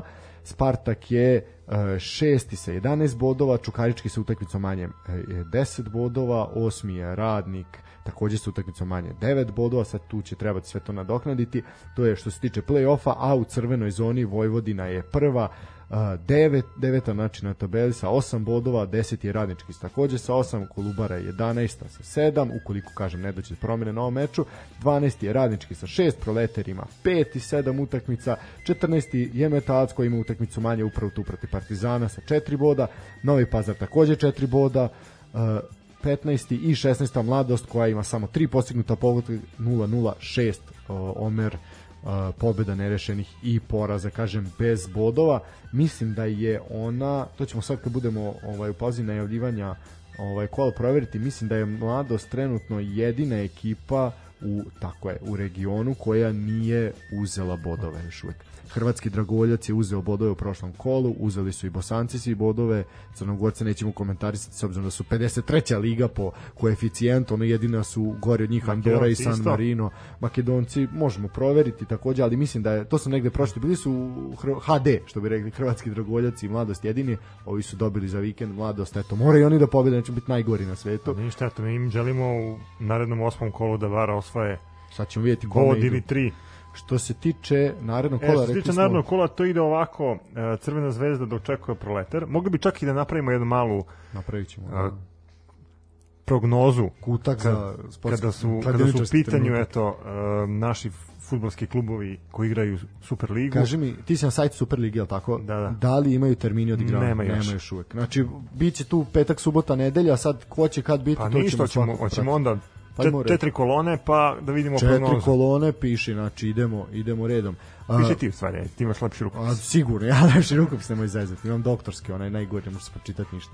Tako je, ovo sad izvlačenje linija ko na varu, gleda. Tako sad napiši. Mogu, mogu ti kažem da poprilično dobro radim. solid, odličan si, možeš odmah biti avar sudija. Ovaj, e sad ovako, znači prva, ajde recimo ovde kako stoji prva utakmica je Crvena zvezda Proleter. Proleter, da. Ništa, idemo Petre. Pa mislim da će Zvezda to bez problema da, da završi. Mislim da Proletar nije ekipa koja može da uzme bodove večitima. Ja bih bio najsrećniji kada bi se to desilo, ali moram da idem ovde ne sa iznenađenjem. Mislim da će pobediti Crvena zvezda. Na čist kec. Đorđe, A si hazarder jebate. E, ja nisam nešto kladioničar, mogu da dodam, ali... Možeš da pišeš šta god, znači crveni karton, penal, ko će dati gol, koliko će biti publike, sve može, znači nije, ne mora čisto kec. Mislim da ova zvezda dobija rutinski i sad nadam se nekom 3 plus. O, dobro, rezultat. dobro, može, tri može, može, ajde, tako. stani, stani, slave. A, ja kažem, ajde ovo zvezda, mislim da će biti preko 7000 ljudi na stadionu. To je moja opklada.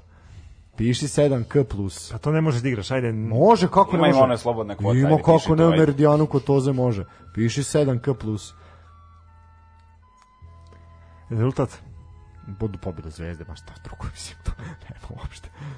Dobro, eto, ja ću biti malo skromniji, pa ću reći da Zvezda dobija 5-0, obzirom da je ovo utakmica, A si skroman, ob- obzirom da je ovo utakmica koja ide pred derbi, Da. A i pred evropski i okršaj. pred evropski okršaj, tako da eto, treba Zvezda da pokaže svoj puni potencijal i mislim da će ekipa proletera Fasovati. ispoštovati ovaj, ovu tradiciju i Što bi rekao Žika, i večera će. Da, da. Večera će u Tako Beogradu. da ja tipujem na, na pobedu Crvene zvezde i Šta je tačan golova. rezultat baš? Pa mislim da pet nek golova? bude pet golova. Ajde, dobro. Idemo na sledeći par, Kolubara, Novi Pazar. Kolubara, Novi Pazar. Fu, fu, fu, fu. U Kec. Kao vrati, piši odmah Kec meni.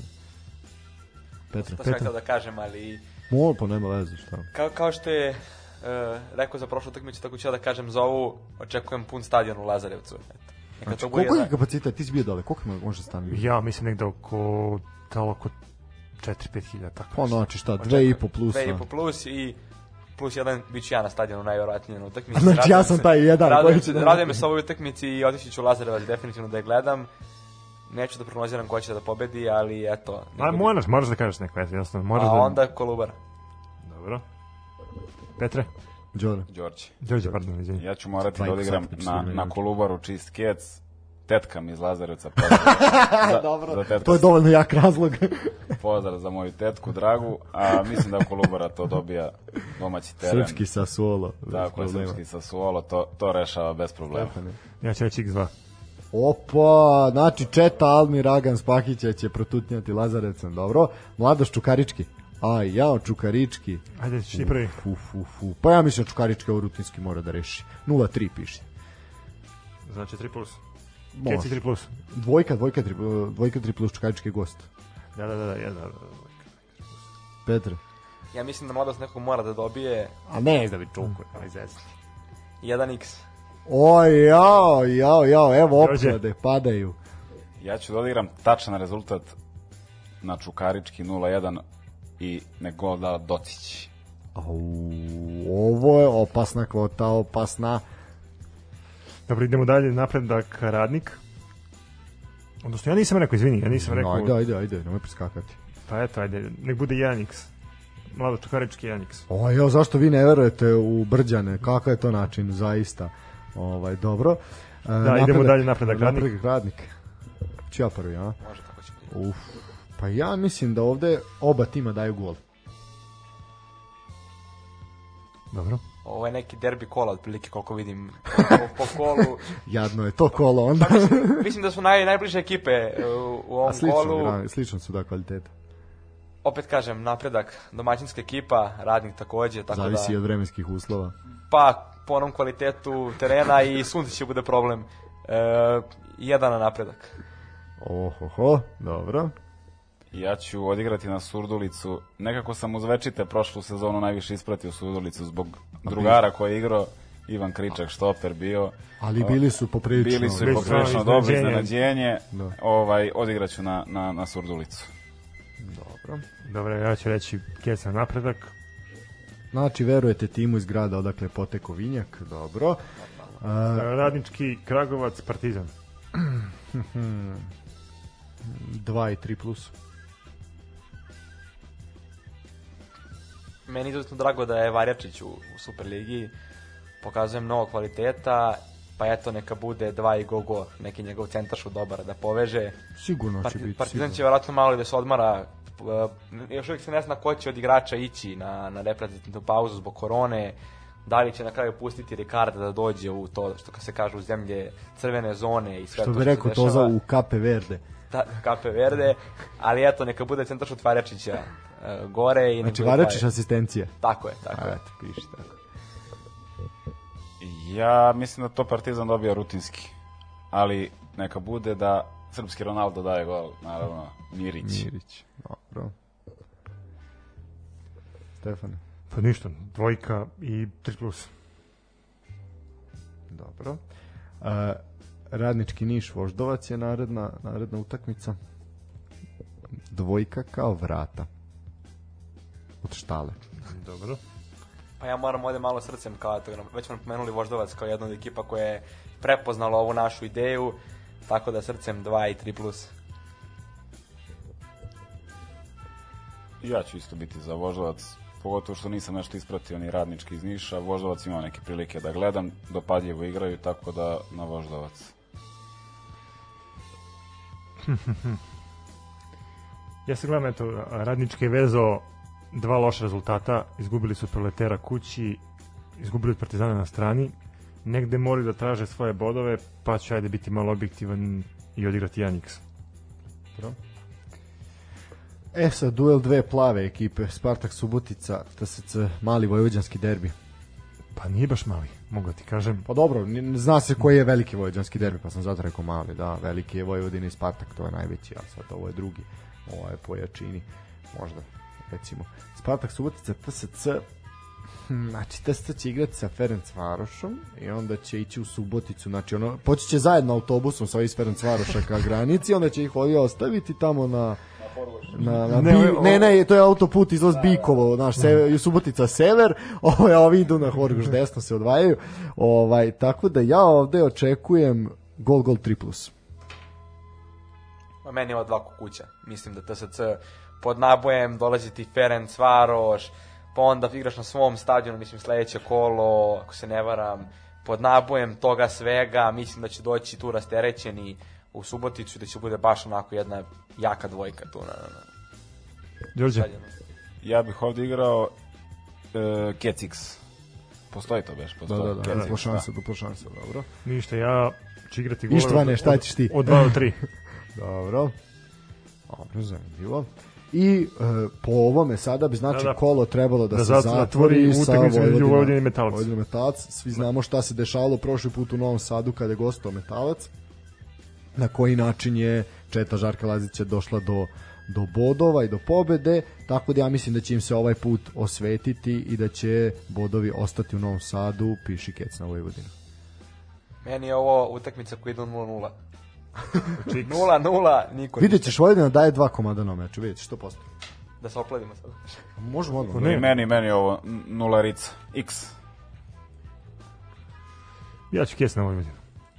Ja, lokal patriota, sve baš. Pa, pa, E, pa poštujemo. Evo ovako sad, znači mi ćemo ovo ovaj odigrati, Odigrati, znači ja da. ću ja ću preuzeti na sebe da to sve uplatim, ova sva četiri tiketa. Da. Sve I što sve upla- što upla- sve što uplatimo. dobijemo prosledićemo naravno u humanitarne svrhe.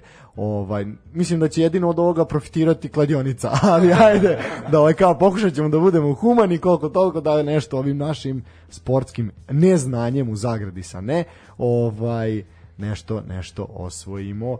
To je što se tiče ovog superligaškog kola, rekli smo, pričali smo o reprezentaciji, nju ćemo svakako detaljnije ispratiti, a momci, eto, vi imate tu čast da najavite i vašu narednu utakmicu. Pre svega hvala vama na pozivu. Tako bismo mi pozvali i vas i sve ostale da u subotu na stadionu Rakovica u pola 11, dakle 10.30, dođu da nas podrže u borbi za prve bodove. Igramo protiv ekipe 13. maja, veoma nezgodne ekipe, tako da svakako je mogućnosti neka dođe, da napravimo jedan praznik futbala, da nadam se pomognemo nekome koji je u borbi za nešto više, a to je život da odigramo jedan lep futbal, da se družimo. Volao bih kao i prošli put da bude puno, puno dece, jer na njima ostaje ovaj svet. Moramo ih učiti nekim pravim vrednostima. Mi ćemo probati kroz sport da, da pomognemo koliko možemo. Dođite, pogledajte futbol, podržite nas, zapratite nas na Instagramu, poslušajte emisiju, to je to. Da, ovaj, ja ću vam se zahvaliti ovaj, zaista eto što ste izdvojili i vreme i energiju da iz dalekog Beograda dođete nama ovde na periferiju i ja sam zaista uživao i uopšte ta priča koju ste vi pokrenuli i to što sve radite je zaista onako može se reći prelepo u ovoj situaciji gde se nalazimo i u državi i u društvu i uopšte ovaj planetarno tako da trebaju nam takve stvari i trebaju takve stvari na lokalu jer takve stvari pokreću. To je to je mali šraf znaš, koji je podmazan i onda krene cela cela mašina. Ovaj zaista ja vam želim svu svu sreću. Mi ćemo se potruditi, ne možemo obećati da ćemo doći, ali ćemo se svakako potruditi da dođemo, malo je taj termin naš, kada treba krenemo u šest odavde, razumeš, kako hvati gužva na gazeli, jebi ga, razumeš, ovaj, ne, pokušat ćemo, pokušat ćemo zaista, ovaj, ja bih, ja bih zaista voleo ovaj, da dođemo i da uživamo u tom, u tom lokalnom, lokalnom futbalu i hvala vam, puno sreće i šta da kažem, napred radnička klasa. Eto, meni je pripala ta čast da odjavim emisiju. Obzirom da je vaš uh, futbolski klub u pitanju i da je moto vašeg futbolskog kluba do godine u Inter Toto kupu. Ja vam želim da stvarno uspete u onome što radite i da se i vi jednom plasirate, pa ne baš u Inter Toto, ali eto u Ligu konferencija. To bi bilo to za večerašnje slušanje. Hvala na pažnji i sportski pozdrav.